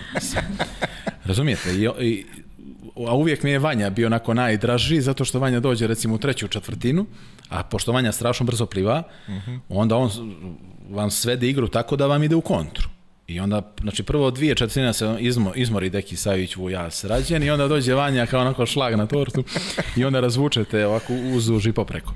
Tako da, tako da zaista je fizički to bilo naporno igrati utakmicu, ali eto, mm, meni je simpatično, smiješno bilo je priče poslije da to namještena utakmica, zaista je to smiješno i komentarisati. E, siguran sam da je sreća bila na našoj strani i na kraju mi smo zasluženo pobjedili tu utakmicu, ne zbog te utakmice, koliko zbog onoga do te utakmice. Jer mi smo i u grupi maltene sve utakmice pobjedili na jedan go razlike i sve utakmice smo gubili. Tako da zaista taj niz neki tih osam utakmica je bio onako nestvaran niz i kruna je bila to zlato, apsolutno zasluženo. I to je istorijski uspjeh za crnogorski sport i naravno i, i za sve nas. Adekvatan je bio i doček, kako se, kako se Jeste, zaista, doček je bio naj, onako, vrlo, vrlo specifičan. E, ja kad mi neko pomene, doček je za posle Malage, uvijek izdvajamo onaj na Cetinju koji se desio, koji je bio onako jer se ja sjećam neki bakica koje me vuku, ljube i to sam ostavio u sjećanju. Naravno, poslije je bio taj veliki u Podgorici, ali on je, ajde da kažem, neka malo blaža verzija ovoga u, u što smo prošli u Beogradu. Ali taj na Cetinju je zaista onako jedan specifičan e, doček bio, jer je bio krajnje spontan, iskupila se masa ljudi i, i zaista jedna, bila je iskrena radost. Jel? E, što se tiče same Malage, iz ovog ugla danas e, mislim da je ona za, za reprezentaciju Crne Gore došla prerano. To je bilo prvo takmičenje koje smo mi odigrali i odmah smo došli do zlata. I, i mislim da je, je to cijena koju smo platili da posle ne osvojimo olimpijsko zlato. Uh -huh. Tako da, e, sigurno kad bih mogao da biram, volio bi da se to možda nije desilo, jer znam da bi se onda desilo olimpijsko zlato. E, prosto su, svi su, nisu spremno dočekali to zlato. E, od 15 igrača nas troje je bilo standardno, četvoro bilo standardni reprezentativci Jugoslavije. I mi smo školovani da se nosimo sa tim. Ali mislim da dobar dio ostatka ekipe je prerano došao do velikog triumfa i znate kako, vi kada postanete prvaci Evrope, vi umislite da ste ne znam šta i, i ne samo igrači nego i van, van, van igrača. I prerano je došlo, žao mi je zbog toga, naravno, s jedne strane mi je izuzetno drago što se to desilo, a s druge mi je žao jer sam siguran da bi imali još jedno evropsko zlato i svjetsko i olimpijski igre. Jer smo imali jedan ozbiljan tim, imali smo ekipu super, e, dobra atmosfera bila među igračima, iako se naravno uvijek pričalo da to nije tako, tako da onako, e, s jedne strane uh, sreća, s druge strane jedan žal. Eto, uh -huh. to je neki... Ja još malo vratila na tu utakmicu. Kako je bilo igrati sa dojučerašnjim saigračima, među vama nema tajni, odlično se poznajete, šta odlučuje u takvim situacijama? Pa gledajte, mi smo igrali jedni protiv drugih i, i mnogo ranije. Znači, ja kad sam igrao u Jadranu, tim oni su uglavnom igrali u, ili u Bečeju ili u Partizanu, tako da e, potpuno je normalno da se vi da imate žešće duele u vodi i da poslije idete toga na večer. Mislim da je tako u svim sportovima i to je na kraju krajeva i draž, draž sport. Nema tu ni, ništa lično, znači e, igra se da se pobjedi i uvijek je možda i bolje kad vi poznajete te protivnike, zato što u datim trenucima ako nastane neki problem, opet se sve to brže stabilizuje nego da, nego da ne znam, krene neka tuča, ti ne znaš ovog preko puta i onda kreneš ti da se biješ s njim, mislim. Tako da, tako da e, s jedne strane je, djeluje kao čudno za nekog ko se ne bavi sportom, ali za nas sport je to potpuno normalna, normalna stvar. Svakodnevica. Mm. Borise, e, Srbija se e, revanširala na dva olimpijska turnira. Dva puta ste igrali za, za bronzanu medalju, to se dogodilo na, e, u Pekingu i u Londonu. I ajde sad iz tvog ugla, kako, kako se ono dogodilo u Londonu? Da li je moguće onako nešto? Znači, vodili ste sa četiri razlika, ako se ja dobro sećam, početak četvrte četvrtine. Tri. Ili tri, tri razlike, da tako? Ali da ste, ali je zaista nestvaran preokret bio. Kako si to doživo i kako objašnjavaš e, takav, takav preokret? Da li ste u svojim glavama već pomislili da ste osvojili bronzu pa se desio pad ili opet s druge strane neki, neka upornost kvalitet Srbije? Šta, šta, šta, kako ti to tumačiš ovu priču? Pa ja tumačim tu priču, prije svega 2008. smo izgubili za treće mjesto od Srbije, potpuno zasluženo i tu mi nismo ušte, ja ne znam, vjerujte mi kako smo mi došli do polufinala, iako smo u polufinalu uh mhm. -huh. pokradeni od, od strane sudija protiv Mađara, uh mhm. -huh. ali smo fizički smo bili nespremni, Malaga nas je istrošila dva mjeseca prije toga, tako da e, to četvrto mjesto je bilo onako maksimalno e, što se tiče Pekinga. A u Londonu taj, e, ja sad mogu pričati u svoje ime, meni je bio cilj olimpijsko zlato. I, i mi smo igrali polufinale protiv Hrvatske, gdje smo poveli sa 1-0, znam da je bio neki da je naš moj saigrač bio sam ispred gola da povedemo 2-0, da on nije dao gol, da smo vamo primili. Znači jedna utakmica koja je krenula u jednom pravcu, posle 5 minuta igre je potpuno krenula u nekom drugom pravcu. I mi smo, ja ne znam, poslije druge četvrtine gubili recimo sa 5-1, koliko se sjećam, protiv Hrvata. I, i e, mene je onako dosta psihički istrošila ta utakmica jer smo olako pustili to. Mm -hmm. I znajući da sam ostao bez zlata, naravno, usredsredio sam se na, na, na reprezentaciju Srbije i mi smo zaista imali jedan ozbiljan pristup toj utakmici, želja da se revanširamo za Peking, Uh, i uh, žestoko smo krenuli tu utakmicu, imali rezultat u našim rukama, međutim u toj četvrtoj četvrtini desili su se neki kiksevi i Srbija je na kraju potpuno zasluženo pobjedila. Opet iz ovog ugla danas, uh, razlog, mislim da je razlog to, to, to, u tome e, tog poraza, konkretno naš mentalitet. Znači, mi smo dolje sa Primorja i e, e, Boka Kotorska i naš mentalitet je kako ćemo, lako ćemo. I ta i upravo ono što sam prije pričao poraz od e, Barcelonete u finalu sa ra, radničkim iz Kragujevca kako smo izgubili, falio nam je taj neki klik što reprezentacija Srbije je imala. A to je imala zato što je to naslijedila od reprezentacije Jugoslavije. I to je taj jedan niz koji traje više decenija. I to je taj, kada vi igrate kao klinac protiv Partizana, e, recimo kad igrate vi kao klinac, ja kao klinac, protiv Jadran, protiv ne znam, neke ekipe, Bečeja, nebitno, mi vodimo, na primjer, 6-0, ja više nemam volju da igram. Dok, na primjer, ovaj klinac iz Partizana vodi 6-0 protiv Bečeja, on će mu dati još 15 golova. Uh -huh. I ta utakmica će završiti 21 naprema 2. A Jadran kad igra protiv to isto Beča završit će 11-1. Znači, nama je fale, to je pitanje mentaliteta. I, i, I kako ćemo, lako ćemo, bukvalno to. I mi smo tu e, pogriješili, nismo imali sreću da imamo trenera kao što je Pino Porcio koji to eliminiše, taj, taj dozu tog pristupa eliminiše. Drži tenziju stalno. Tako je. I tako da mi, recimo, poslije te treće četvrtine protiv Srbije, umjesto da im damo još dva gola i da završimo priču, mi nekako, ne mogu reći da mi pustimo to, ali nema, zašto nema? Zato što nikad nije ni bilo. Znači, e, e, to je kontinuitet, to se ne može preko noći dobiti. Znači, može se uticati, ali se ne može dobiti preko noći to, taj neki klik da vi dok usurite protivnika. E, to mi nismo imali. To reprezentacija Crne Gore nije imala i iz tog razloga smo izgubili tu utakmicu i iz tog razloga smo obično uh, se umarali žastoko i protiv Njemaca i protiv Rumuna.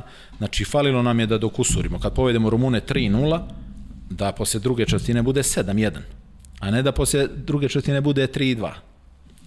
A to je samo pitanje pristupa, a opet pitanje pristupa i mentalnog sklopa. Tako da, možda sad to malo smiješno izvuči, ali siguran sam da je poraz u toj utakmici pitanje našeg mentaliteta. Jer -huh. kod nas je sve lako, kako ćemo, lako ćemo i, i, i nekako, i to je naravno taj neki kontinuitet takvog pristupa. Ja se sjećam, 2002. na treću sam bio prvi na listi strijelaca tadašnjeg uh, prvenstva Jugoslavije. Do, recimo, dvije, tri utakmice do kraja. I sjećam se baš da smo protiv Šapca igrali utakmicu, Uh, i završi utakmica, ja sam ušao da igram, posle, ne znam, 3-4 minuta sam dao dva gola i izašao na klop i rekao ne mogu više da igram. I Nikola Janović je postao najbolji strijelac tog prvenstva. Ja gledam posle koliko on Šapcu dao gola, čini mi se da ih je 8. 8 golove dao Šapcu. Znači, sigurno je krivica u nama. Sigurno je krivica u nama, znači, e, prosto da, da, da smo imali uvijek pristup takav kao što ima Partizan, da dok usurimo protivnika, ja sam siguran da bi mi dali Srbiji još dva gola. Ali nije to bilo samo pitanje Srbije, to je bilo pitanje i, i kažem, i drugih utakmica i, i naših stalno teških utakmica i u grupama i u osmini finala i u, zato se desio poraz e, Crne Gore u, u, na svjetskom prvenstvu u Rimu 2009. Mi smo ispali u osmini finala od Njemaca. A mjesec dana prije toga furiozno osvojimo svjetsku ligu a vamo ispanemo osmini finala protiv Njemaca. Baš zato, zato što kad vodiš jedan, dva razlike, umjesto da ih onda zgaziš do kraja, mi ono, malo tu klaj, klaj. klaj, klaj i na kraju se svede da izgubimo od Njemaca. Mm. Tako da je samo to razlog. Ja apsolutno ne vidim ni jedan drugi razlog tog poraza. Hoćemo onda, kad smo već kod toga kako ćemo, lako ćemo, dva gola, osam gola, da čemu i pitanje? Ajde, može, može, može, može, ajde. Dobar dan. Želio bih prvo da pozdravim sve gledalce Također veliki pozdrav za vas u studiju. Veliko poštovanje za ideju i samu realizaciju ove emisije koja na izuzetno lijep način promoviše naš sport. Evo za Borisa jedno pitanje. Pretpostavljam da će znati zašto ovo pitam. Koliko puta sedmično je optimalno da trenira profesionalni vaterpolista? Veliki pozdrav svima. Za one koji ne znaju, naravno Vladimir Gojković, trener Jadrana, selektor Crne Gore, naravno kum e, naše gosta i neko ko je naravno obeležio istorijet ovog sporta ne samo u Crnoj Gori, nego i na ovim prostorima. Da, da, jasno mi je zašto Vlado pita, u stvari očekivano pitanje od trenera. Da. Pošto oni imaju jedan pristup dok igraju, a kad postanu treneri onda je potpuno drugi neki pristup. Pa dobro, ja, ja uvijek sam imao viđenje da da mislim da nije baš odlučujuće da ti treniraš od jutra do mraka, da bi bio vrhunski u nečemu. Zaista. Mislim da koliko je važan trening, toliko je važan i, i, i mentalni sklop tvoj i mislim da je važan rad na sebi u svim segmentima, a ne samo ja sam vaterpolista i tačka. Znači, e, da bi e, za sport iz mog ugla je najvažnija brzina reakcije, sad kad pričam baš o nekoj igri. A opet brzina reakcije je vezana i sa inteligencijom. Tako da vi morate stalno da radite, ne može postati vrhunski neki sportista koji nikad nije vježbao matematiku. Znači, zaista ne može. I ja sam uh, imao sreću da je uh, otac uticao na mene baš to. Prvo škola, pa onda vaterpolo.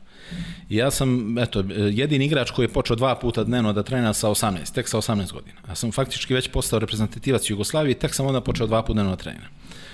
Sad bi rekao vlada da sam ja bio ekstremno talentovan i verovatno jesam bio talentovan, ali bez obzira na sve mislim da mislim da koliko je važan trening, toliko je važno i obrazovanje i da e, svako treba da radi na sebi svakog dana i da napreduje, i da analizira svoje greške, da radi na njima i samo tako može da, da postane vrhunski igrač.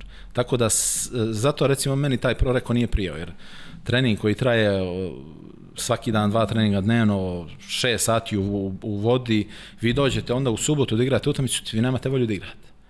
Za razliku, na primjer, od Napulja, i to je jedan od razloga što je meni dolje bilo super, što se tamo treniralo samo m, utorkom i četvrtkom dva treninga. Svi ostali dani jedan trening. Uh -huh. Ali se trenira sat i po vremena i trenira se maksimalno.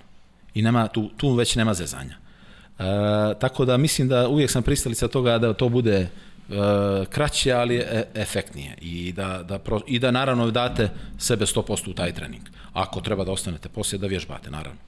Tako da i u razgovoru s ovim klincima danas dolje u Jadranu, uh, uvijek im kažem odradi 10 puta kako treba, nego hiljadu puta kako ne treba.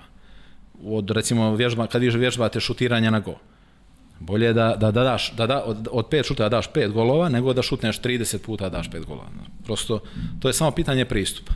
Tako da ja sam uvijek pristalica da se nađe neka mjera, jer sve što je ekstremno, e, prosto ne valja. Zato što na kraju krajeva ima i života i posle sporta.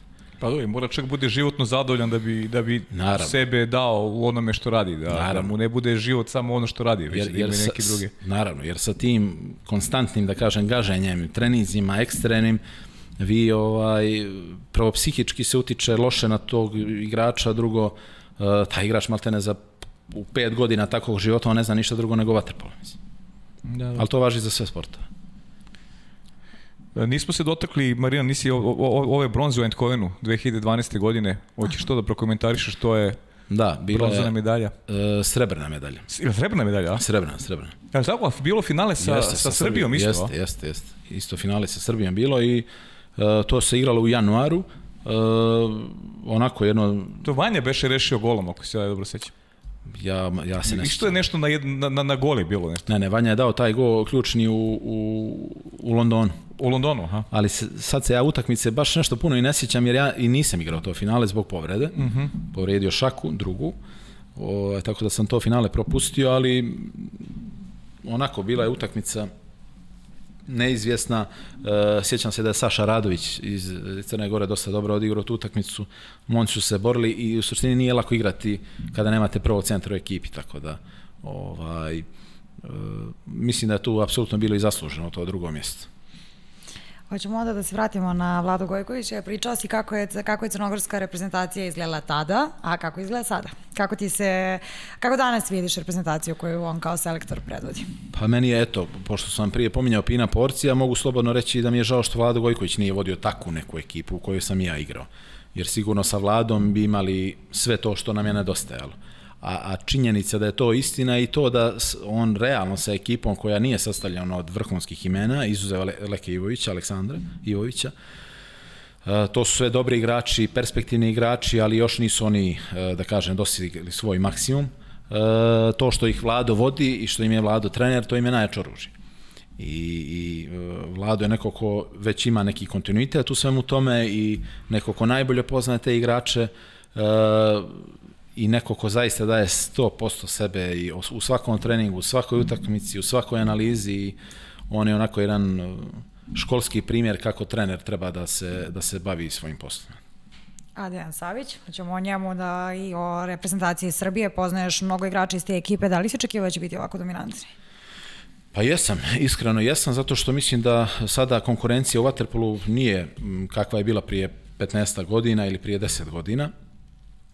E, mislim da e, vrijeme koje sada dolazi će biti e, teže za Srbiju nego što je bilo ovo vrijeme koje je bilo do sada, jer ipak kad vi imate u ekipi Andrilu Prlinovića, Duleta Pjetlovića, Filipa Filipovića, e, to je jedna ekipa ili kad njih nemate. Tako da ono što slijedi Srbiji mislim da će biti izazovno.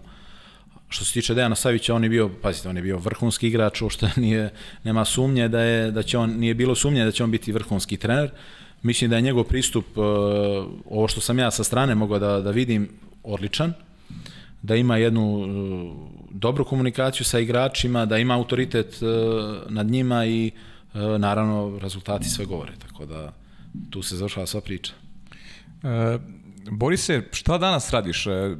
Znam da si podpredsednik Jadrana, o tome smo pričali, koliko pratiš ove trendove u Vatrepolu, govorit ćemo još malo o nekim temama uh, Vatrepolu, evo recimo kada govorimo i malo pri si pričao o crnogorskoj reprezentaciji, uh, ja sam evo sad imao priliku da na početku sezone odu u Srbiji da komentarišem utakmicu Šabac Radnički uh, sa dve strane, dva vrlo talentovana momka iz Crne Gore u Kropina koji igra za, za Radnički, sada Gardašević misli da je momak koji igra za, za Šabac, tako da crnogorski vaterpolo sigurno ima lepu budućnost, a gde si ti u toj priči i koliko aktivno pomažeš Jadranu i kako vidiš e, sebe u, dalje u, u, u sportu, a pričat kasnije o nekim drugim temama, pošto imamo dosta i pitanja gledalaca vezano za tebe.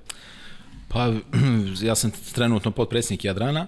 Uh, Jadran je moj, moja kuća i moj dom. Uh, Jadran je nešto što mi uvijek na prvom mjestu i uh, sve vezano za Jadran me, me zanima. Tako da i taj rad sa mladima i prva ekipa i e, ali u principu sam upućen u, u sve što se dešava s obzirom da živim na relaciji Beograd Herceg-Novi. Uh, ima talentovane djece i nekako nema brige za, za budućnost. Uh, ono što treba i na čemu i želim ja da radim više jeste da se rivjera ta hercenovske opštine podigne malo na veći nivo. Uh, i želja je da se formira jedan, da, da se napravi bazen u Bijeloj, mali bazen, koji bi mogao da obsluži e, Bijelu, jer opet je Bijela mjesto koje je iznjedrilo dosta vrhunskih igrača.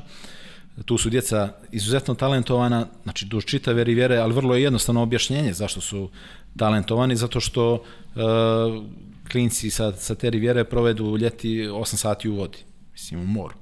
Za razliku već od Herceg Novog, gdje oni uglavnom idu na treninge i malo se nešto okupaju.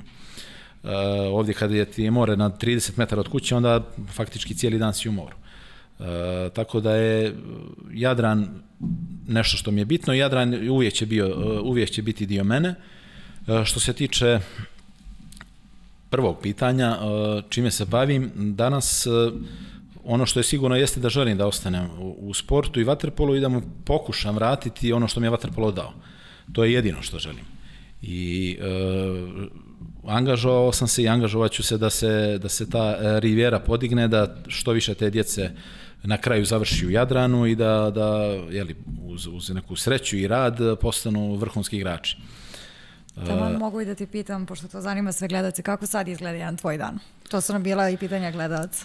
moj, dan, moj dan je onako nepredvidiv, zavisi gdje sam i pošto onako ima par tih nekih stvari kojima se bavim, onda zavisi, ako sam u Beogradu to je jedan e, dan, a ako sam u Hercenovu to je neki drugi, drugi ritam. Uh, u principu ja sam, ajde da kažem, imao sreću da zaradim fino od Waterpola, jer sam igrao tu poziciju koja je vjerojatno i najplaćenija.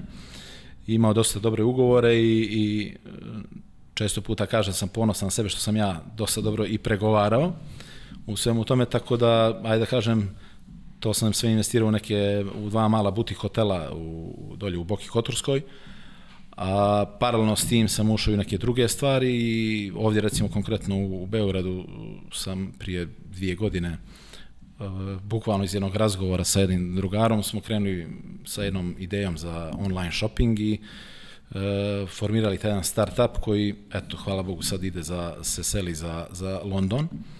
Tako da uh, radim dosta različitih stvari i uh, možda nisam u sportu koliko bih želio da budem, ali sada posle svega ovoga što mi se desilo, e, sigurno ću se više, više baviti sportom, a manje nekim stresnijim poslovima. Hoćemo da pređemo na pitanja gledalaca. Pa ne, možeš- Imamo ove što su, šta pa što smo imamo i ove sa telefona. Kako god, ajde, možemo da nismo pričali o... Uh, kako gled- Trendujemo u Tokiju. Da, da. Posle Tokija. Pa, Pa da. eto, da, da po- pomenemo i vaterpolo posle Tokija. Srbija će se pomladiti. Drugi su to uradili ranije. Gde je Crna Gora u cijeloj toj priči? Pa Crna Gora je, da kažem, već podmlađena, možda malo ispred e, Srbije što se tiče toga. E, Crna Gora naravno i treba da se kvalifikuje, ja vjerujem da to neće biti, biti problem. Sad, da li će se igrati olimpijske igre ili neće, to još, to još niko ne zna. E, biće sigurno interesantno. Biće sigurno interesantno. Waterpolo se mijenja. E, Waterpolo se mijenja, nije to više waterpolo kao što je bio prije 10-15 godina. Tako da i stil igrača i profil igrača je drugačiji. Uh, ali svakako biće, biće, biće sve to interesantno. Ajde da kažem, sad bi možda iskoristio priliku, iako me to niste pitali, ali prosto da kažem ovaj, da, da sve me ovo sad podsjetilo na, na česte priče oko toga da će Waterpolo ugasiti kao sport na olimpijskim igrama. Mislim da zaista ljudi koji to pričaju m, ne znaju puno o sportu. Waterpolo je najstariji olimpijski kolektivni sport. Waterpolo je sport koji se igra u uh, zvanično preko 100 zemalja na svijetu. Uh, splet okolnosti je taka da se Waterpolo igra na, na vrhunskom nivou ovdje na, na Balkanu, da kažem, ali ako uzmemo sad košarku i, i čak i futbal, da ne kažem rukomet odbojku, vi vidite već danas da, da su balkanske zemlje najdominantnije i u tim drugim sportovima. Tako da ta, ta priča da će Waterpolo neko da ukloni sa olimpijskih igara ili da će se ugasiti ili već ne znam šta, zaista je to jedna onako nezrela priča i e, naravno da će Waterpolo trajati, naravno i to da, ne znam, ugovori u Waterpolu neće biti kao što su u košarci ili kao u, u, u futbalu, ali na kraju krajeva sve ima svoju, svoju cijenu. I u ovoj, kad pričam na ovu temu, obično, obično navedem primjer Fabija Kanavara, pošto ga poznajem dolje u Napolju, smo bili u par puta zajedno i, i na večeri u, u, nekom, u društvu i ja uvijek kažem i mojim saigračima tada sve ima svoju cijenu i slažem se, nemam ugovore kao futbaleri, ali bar zato dođeš u restoran, možeš da jedeš, možeš da naručiš i vino, možeš šta hoćeš. Za razliku od, ne znam, tog nekog Fabija Kanavara koji je recimo tu sa nama bio na večeri, on je dva sata dao autograme i fotografisao se i bila je kolona od možda nekih 100 metara ljudi koji su željeli da se s njim slikaju. Znači čovjek koji potpuno nema intimu, tako da zavisi ko šta voli. Da. Tako da sve ima svoju cijenu. Sve. Se čuješ s Fabijom, ono koji smo čuješ sa Šetić? Pa dobro, ja imam, da, da, ja imam, imam ja kontakte sa tim futbalerima Gde je italijanskim. ono u Kini sad, je li tako, a? On je trener Kine, da, ima tu isto interesantnih priča kako o njemu, ovaj, kako mu plaćaju te premije i tako, kad su, ne znam šta, šta su osvojili. Ja ne mogu reći da nešto pratim posebno futbal, ali o, čak sam, i kad sam igrao u Napolju, sjedao sam sa, sa futbalerom 5-6 puta, ja nisam znao ko je to, da bi posle šestog puta čuo da je to od Laveci, ovaj, koji je posle, ne znam, da, da, da, Argentinac. Da. Da, ne znam gdje je igrao posle. Cavani, Laveci, svi ti koji su da, igrali u Napolju. Jer oni su tamo, mi smo, da kažem, sekretari u nekom sličnom džiru i onda smo se, ono, često sretali. Mada sam ja sa Paolom, bratom od Fabio Canavara, baš dobar drugar. Mhm. Da, znam, Paolo je je bio- malo, malo, malo je nepoznatije, Jest, malo On- auditorijima, ali isto jedan... On je bio kapitan Napolija. Da, da, dobar igrač, da. E, imamo mnogo pitanja, Marina insistira krenemo na pitanja. Da, zato što to stvarno si inspiracija e, svim dečacima i mnogo se ljudi ovako javilo, znači stvarno je bilo dosta pitanja na našim Instagram profilima, pa ajde da krenemo da ispoštujemo barem Ajde, ajde nešto, aj, aj, ja ću prvi. Milan pita Ajde. ko je najbolji igrač sa kojim si igrao i ko ti je bio idol? Šapić je najbolji igrač s kojim sam igrao, a idol mi je bio kao klincu Igor Milanović, jer su me oduševljavali njegovi golovi onako ispod, ispod vode gdje vidite samo njegovu ruku i loptu koja je završala u mreži, a onda kad sam malo stasao Viktor Jelenić, jer smo bili slični, slični tipovi igrača. Dušan pita sa kojim si bekom imao najviše problema u karijeri i ko te najviše tukao?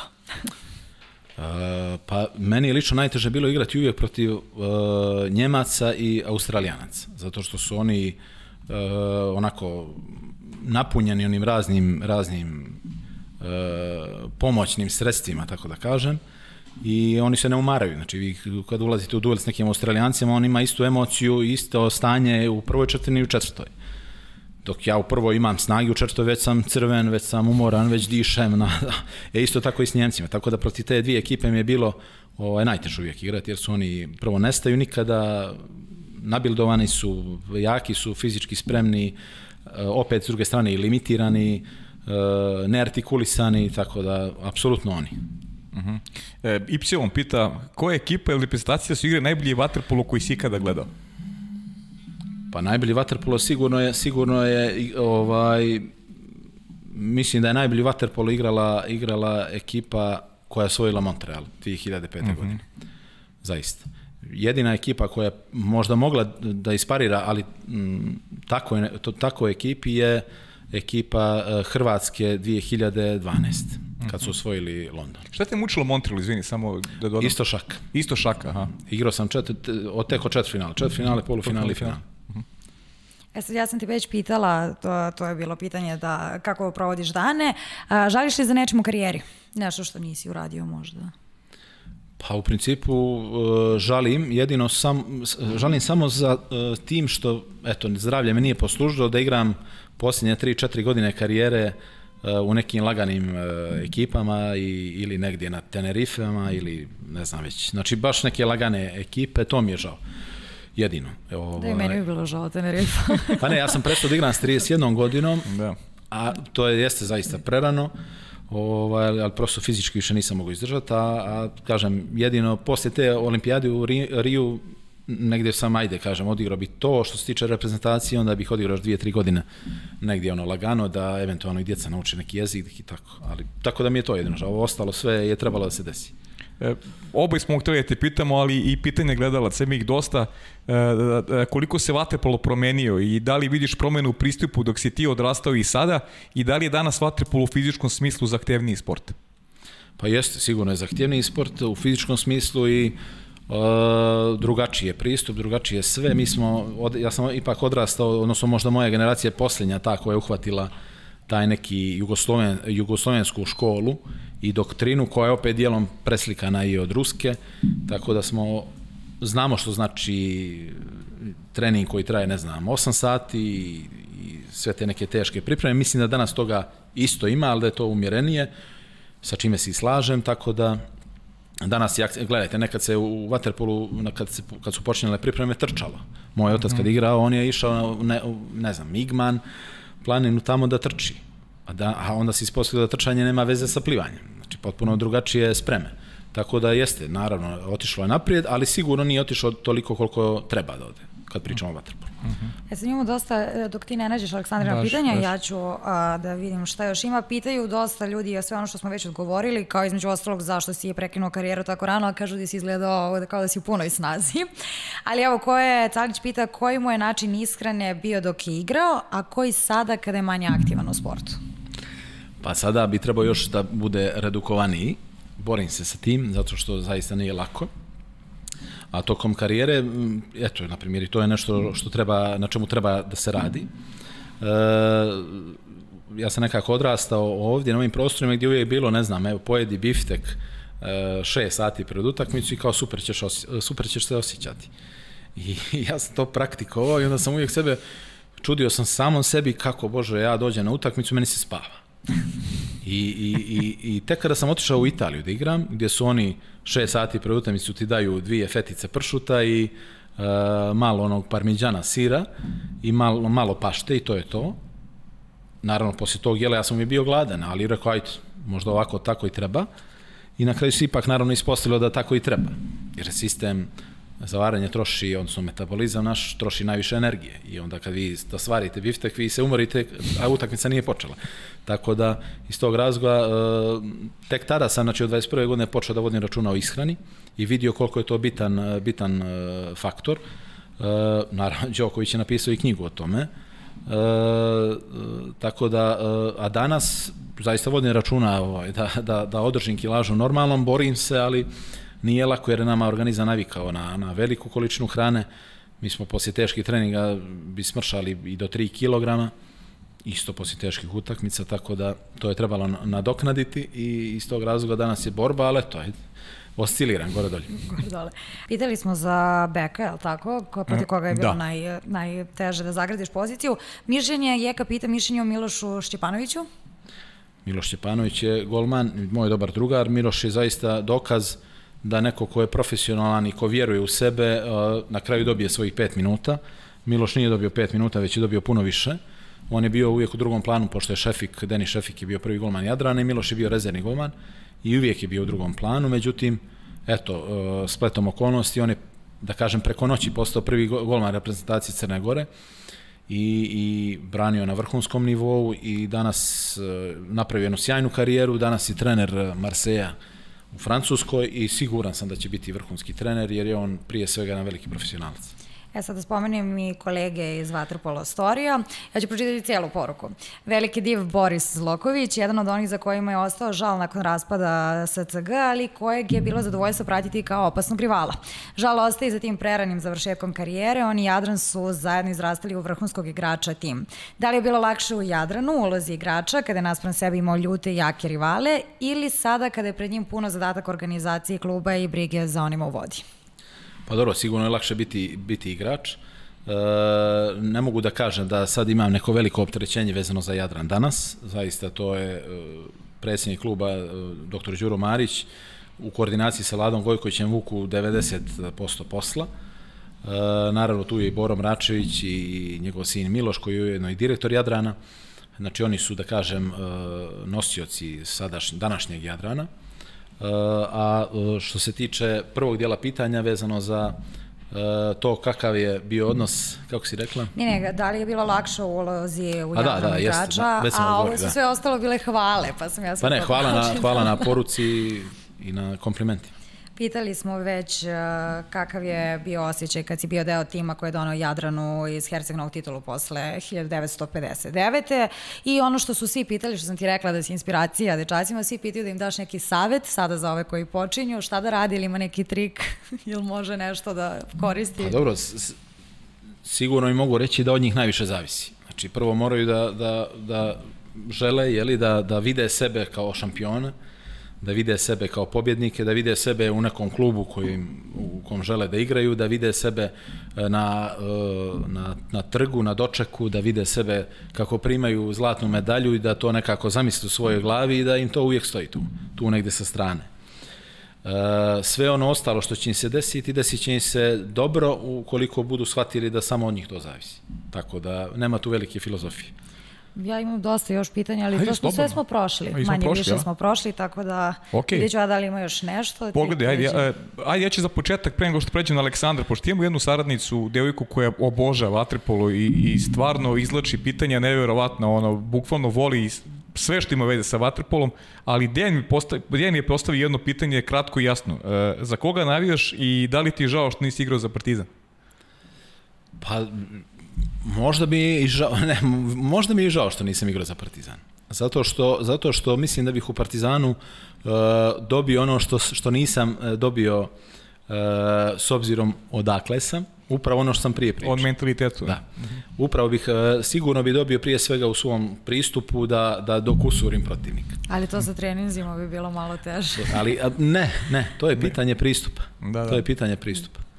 Samo pitanje pristupa. Vi možete raditi od jutra do mraka, ako to nema, ako nemate pristup, tome je džaba, džaba sam taj rad. Uh mhm. -huh. Nećeš mi reći za koga navijaš, to, to ostane tajno onda. Pa dobro, gledaj, ja u principu, ja sam, pošto slabo pratim uh mhm. -huh. zaista o, futbal, m, naravno 90-ih sam navio za zvijezdu i uvijek sam i volio crvenu zvijezdu i danas volim crvenu mhm. zvijezdu, kad rađe nego da pobjede nego Partizan, ali kad već pričamo o Waterpolu, Partizan je sigurno uvijek bio bolja, bolja, bolja adresa.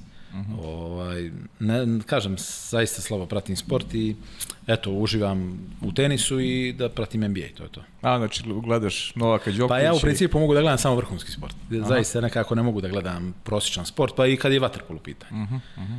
Nekako ja recimo košarku, ovu ABA ligu, ja ne mogu da gledam zato što kad se odradi kombinacija, izbaci se loptanom na trici, onaj promaši, od 10 šutova promaši 8, ja to, ja to ne mogu da gledam. Nebitno koja ekipa, mislim. Dobro, jer, jer to govori o, o, o tom igraču, znači ono, uzmi vježbaj, za, prosto i kad ti igrači vježbaju, nebitno koji je sport, on mora da zamisli sebe u tom nekom ambijentu, on mora da, da, da, ja često uzimam, kad pričam s klinicima dolju u Jadranu, uzimam, uh, ali to i siguran sam, svi sportisti kad završe karijeru, koji postanu vrhunski u tom svom sportu, oni imaju tu crtu da, da maltene, ti ne moraš da gledaš utakmicu, znaćeš ko će kako igrati. Znači ja kad vidim klince Jadrana kako se razgibavaju pred utakmicu, meni je jasno kako će ko od njih da igra. Da li će igra dobro, da li neće, da li je koncentrisan, da li nije. I, ovaj, I onda često im dajem za primjer Bogdana Budanovića. Uh -huh. Gdje im kažem, evo vidite njega, znači potpuno drugi sport, vidite njega kad vodi loptu i kad ide u napad. Obratite pažnju na njegov lik, njegovo lice. To se vidiš želju da uništiš protivnika i to je e, želju da zabije da zakuca koš, želju da da da pobjedi. Znači sa takvim likom, sa takvim pristupom mora da se ide. Ako ti je lice kao da ideš, ne znam, na pecanje, ti ne možeš ništa napraviti. Ali prosto mora da se vidi taj žar u očima i želja za pobjedu. Ja, kad smo već, kad pominjamo to, pošto smo pričali uh -huh. baš i sa prethodnim uh, gostima, uh, da li ti klinci, pošto je sad mnogo brže vreme, da li imaju motivaciju kakvi ste vi imali, strpljenja? Koliko je drugačije? Pa dobro, drugačije je vrijeme, zaista i, i, i s jedne strane je mnogo lakše, a s druge strane je teže, ali... Treba im zadržati pažnju. Naravno, treba im zadržati pažnju, ali mislim da je uh, u ovim sadašnjim generacijama najteže probuditi uh, želju za pobjedom. I, I ja se nekad šalim, ja imam sina od šest godina i uh, mogu reći da prve njegove 3-4 godine nekako nisam, jer to je pitanje opet karaktera, nije to pitanje jer vi kakvi ste u bazenu, recimo ako pričamo o vaterpolisti, kakav si u bazenu, takav si van bazena. Znači nema tu velike filozofije. Tako da je to pitanje pristupa. I ja, ja sam onda želio da probudim kod svog sina da, da e, želju za pobjedom, tako što smo se takmičili oko najbanalnijih nekih stvari, ne znam, ko će prije dohvatiti zid ili ko će uraditi ovo ili ono, odnosno ko će brže. I, i posljednje dvije godine onako spontano mu budim tu želju da bi došao sad u situaciju, on ima šest godina i već sad vidim da, da sam možda malo pretjerao. Vidim da sad se dijete poludi kad izgubi. Na primjer. I, onda, I onda sad već moram da razmišljamo kako da vratim. Mora naći balans. Znači, a nema, to, to te niko ne može naučiti, to moraš prosto sam nekako da prođeš. Tako da ovaj, uh, moram da krenem unazad sad. Uh, ali to kod mladih danas mislim da je najvažnije probudi želju za pobjedom. Jer kad imaš želju da pobjediš, onda sve može. Znaš šta, ti, ti kažem dve stvari. Prvo, na Marininoj si strani ovo za zvezdu, to da znaš. Ona će poslije da te pita oko porodice za kraj, a pazi, prvi put, prvi put, ovo je 16. epizoda, Vanja ima pitanje. Prvi put. Ajde, super. Ajde, Znaš šta pita Vanja? Pa, Vanja pita za koga navijaš NBA, pošto on prati NBA non stop. Da, da. Pa Igrao ja, je košaku inače nekad. Ja navijam za, za, za Jokićevu ekipu, bez, bez dileme. Uh -huh. Je naravno da je tu i Sacramento zbog Bogdanovića i Bjelice. Uh -huh. Ali Jokić je meni zaista jedan neverovatan igrač i, i, i on je ono što je Messi u futbalu, on je u košarci zaista. I njega je zadovoljstvo gledati. Uh -huh. I ja zaista volim te nepredvidive igrače koji, koji bukvalno potezom, ne samo što on pobjedi, nego što on psihički uništi protivnika. I, I zaista da ga je zadovoljstvo gledati. I mislim da se takav lik rađa jednom u 100 godina, zaista. Kao što se Đoković rađa jednom u 1000 godina, vjerojatno. Da, da. Tako da, apsolutno za, za, za njegovu ekipu i mislim da je ovo sad što su napravili zaista ne, ne, prosto nerealan uspjeh, s obzirom da je ekipa re, relativno mlada i da oni su se tu pojavili malte ne nijotko. Uh -huh. Vanja si zadovoljan? I još da prati NFL.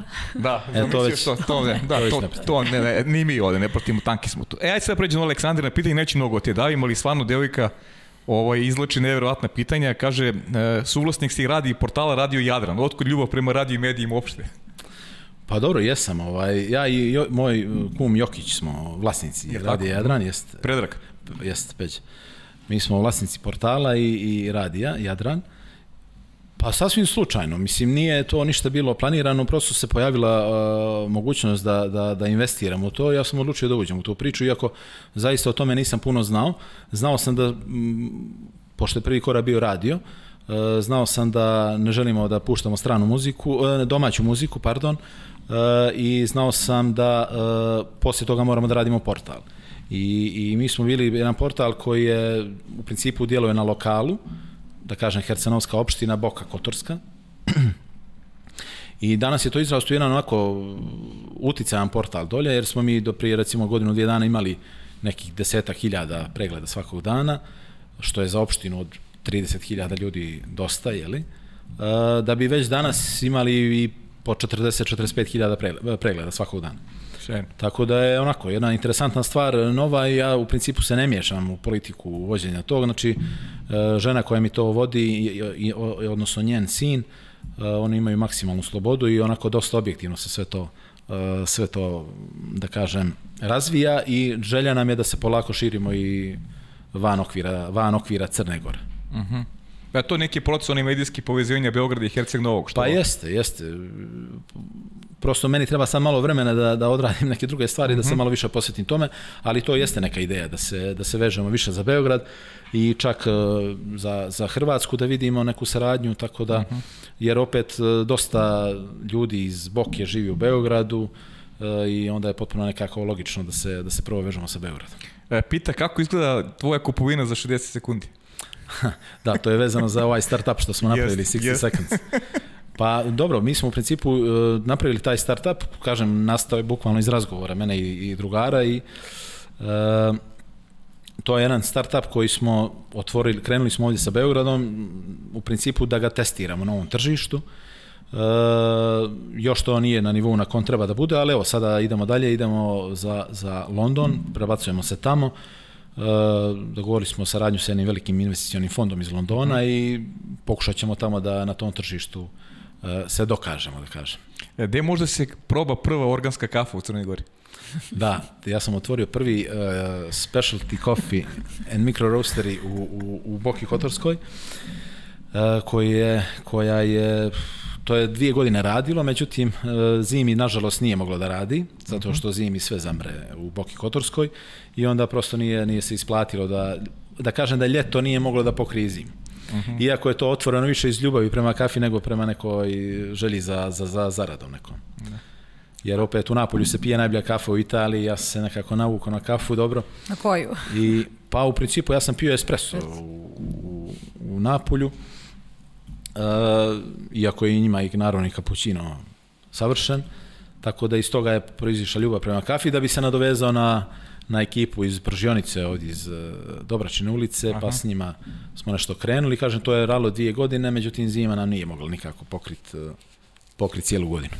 A čekaj, turizam to i to je Odnosno pitanje da znaš. I još jedno pitanje koje ima veze sa vaterpolom je Naš turizam. Aleksandra sve zna. Da, odakle jedan vaterpolista u hotelijerstvu i po čemu se njegovi hoteli razlikuju od drugih? Pa, uh, stvar, ukus, ukus je relativna stvar, tako da za mene su verovatno posebni ili su slatki, za neke možda i nisu, tako da je ukus ima ne treba uh, previše pričati, a odakle u hotelijerstvu, pa znate kako, kad, kad počnete zarađujete malo veće pare ili veće pare, onda naravno, mislim, normalan čovjek želi da investira, jer u, u Crnoj Gori, odnosno na Primorju, realno jedino gdje nema greške je e, investicija u turizam.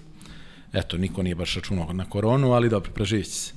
Da. E, tako da, eto, ja sam imao sreću da, da kupim neke dvije kuće na obali, na, u samu obalu, po nekim normalnim cijenama, da kažem, prije tog ludila koje se desilo u Crnoj Gori tamo 2006. 7. godine.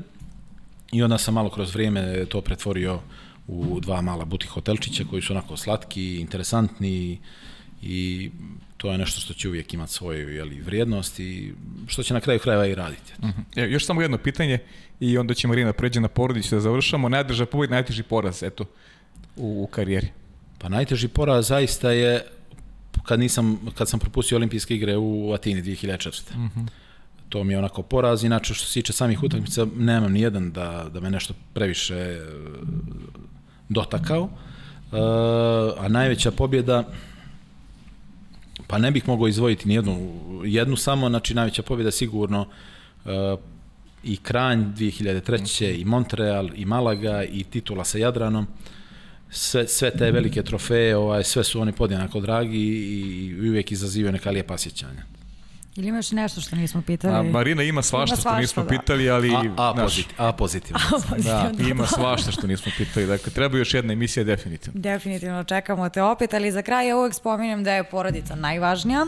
Ima ženu Katarinu, dvoje dece, čuli smo da sin voli da pobeđuje, da li voli da pobeđuje možda u vaterpolu, da li pokazuje neke sklonosti? Pa juče smo baš išli na, na 11. april da plivamo, voli da pliva, stvarno je interesantno to kako ono ide, ide malo i na judo, ide i na tenis, međutim čini mi se da u, u vodi je nekako najspretniji. Na i tatu. Pa vjerovatno, vjerovatno. Ovaj, tako da i ima, ima onako interesantnu jednu građu za vaterpolistu. Tako da, ali bez ikakvog opterećenja. Naravno, najbitnije je da se on bavi sportom, a e, šta će biti, vrijeme će pokazati, bez ikakvih očekivanja. E, Čak nekad kad razmišljam, ne znam ni koliko je pametno baviti se e, profesionalno sportom, jer to zaista em ima odricanja, em ostavlja, ostavlja posljedice. U mom slučaju, pogotovo kad je promjena vremena, e, sve mogu da najavim i kad će kiša i kad će bura, jer krene da me boli jedno, pa krene drugo. Tako da sve ima neku svoju cijenu. Najvažnije je da se bavi sportom i da i volio bih naravno da to bude, odnosno diskretno će onako gurati da to bude kolektivni sport, jer nije isto kad si sam ili kad ideš sa 15 drugova u turneje i zezancije i, i na kraju krajeva utakmice, znači i dobre i loše stvari nekako lakše ti je podnijeti kad si u grupi. Što se čerke tiče, koliko ona ima godina? Pa ona ima pet godina, godina. Aleksa i Tara. Tara ima pet.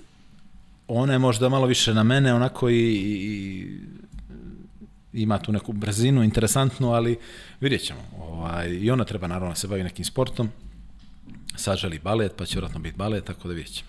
I ono što je najvažnije, sa- što smo rekli na početku utakmice, pogotovo i ovim teškim trenucima, je svemu porodice definitivno najvažnije, najveći oslonac. Pa jeste, naravno da jeste, uvijek je tako i, i, i bilo i mm, loša strana ove korone i svih tih dešavanja i ljudi koji su, jeli, da kažem, loše prolaze i to što u tim trenucima rod, familija ne može da vas obiđe, tako da, eto, treba se još više pripaziti, ali naravno da je porodica prije svega i da, da je to vrijeme provedeno sa njima i nekako i naj, najvrijednije. I u nekim trenucima gdje je stani pani, da li ćete vamo ili ćete vamo, e, sjećanja vam naviru ta koja su vezana za porodicu i naravno za prije svega za vašu djecu. Evo pozdrav za Zlokoviće. Pozdrav za sve, naravno, svima puno zdravlja, sreće, Ono što ljubavi. za kraj uvek pitam, kako ti se sada čini? Pitala sam na početku kako ti se čini u studiju našem na kraju univerzuma, evo sad posle ovog Smo razgovora. te pitali, ili ima nešto što te nismo pitali, a ti bi hteo da kažeš? Pa ne, u principu Sad ste, smo do, dobro ste me prošetali, tako da je Tako? u principu ok. Ovaj, ne, izuzetno je prijatno bilo, uh, ambijent mi je opušteniji nego što je bio na početku, ali moram reći da je na početku bio ve- veoma opušten, jer sve ovo je onako jedan cool ambijent. Tako da raduje me što postoje ovakve emisije, raduje me, te, š- raduje me što dovodite i vaterpoliste uh, u ovu emisiju jer oni zaista zaslužuju. Uh, reći ću jednu interesantnu stvar da je vaterpolo zvanično treći najteži kolektivni sport. Tako da ti momci, današnji vaterpolisti, oni zaista se dosta odriču. E, ali mislim da opet, kažem i vaterpolisti izrastaju poslije u, u kvalitetne osobe zato što, zato što kao što nije sve, sve ima svoju cijenu, znači vi kroz vaterpolo možda ne možete finansijski da se obezbedite za uvijek, ali to vas s druge strane motiviše da radite na sebi i da završite škole i da, i da budete uspješni u tom nečem drugom, tako da nije čudo što vi danas imate ministre, vaterpoliste, što imate, ne znam, političare, što imate uspješne biznismene, to je ovaj neki normalan tok stvari, mislim da to tako i treba, treba da bude. Ali hvala vam, hvala vam na, na, na pozivu, drago mi da smo se ispričali, pa ćemo nekom sljedećem prilikom malo više o Napolju. I da, Hoćemo duguješ obavezno, to, si, to si nam Napolje. obavezno i, i hvala ti puno što si došao, zaista je bila, bilo vrlo prijatno pričati sa tobom i želimo ti pre svega zdravlja, da se ne ponavlja više ništa si imao u prošlosti, da te služi zdravlje, tvoju porodicu takođe i na poslovnom planu čuli smo svačim se baviš, neka se sve pozlati i Hvala. Sve hvala. najbolje. Hvala vama, hvala vama još jednom i da smo živi i zdravi pa će biti svega. tako je. Mi smo uživali, drago mi je da si i ti, pa nećemo najavljivati sledećeg gosta. Nećemo da najavljamo Da malo ništa. ostavimo. Pa da, neka, neka, Neka razmišljaju. neka razmišljaju, držimo malo ljudi na izvesnosti. Da. Malo držimo gledalce na izvesnosti, ali pratite naše Instagram profile. Uživajte u intervju i vidimo se sledećeg četvrtka.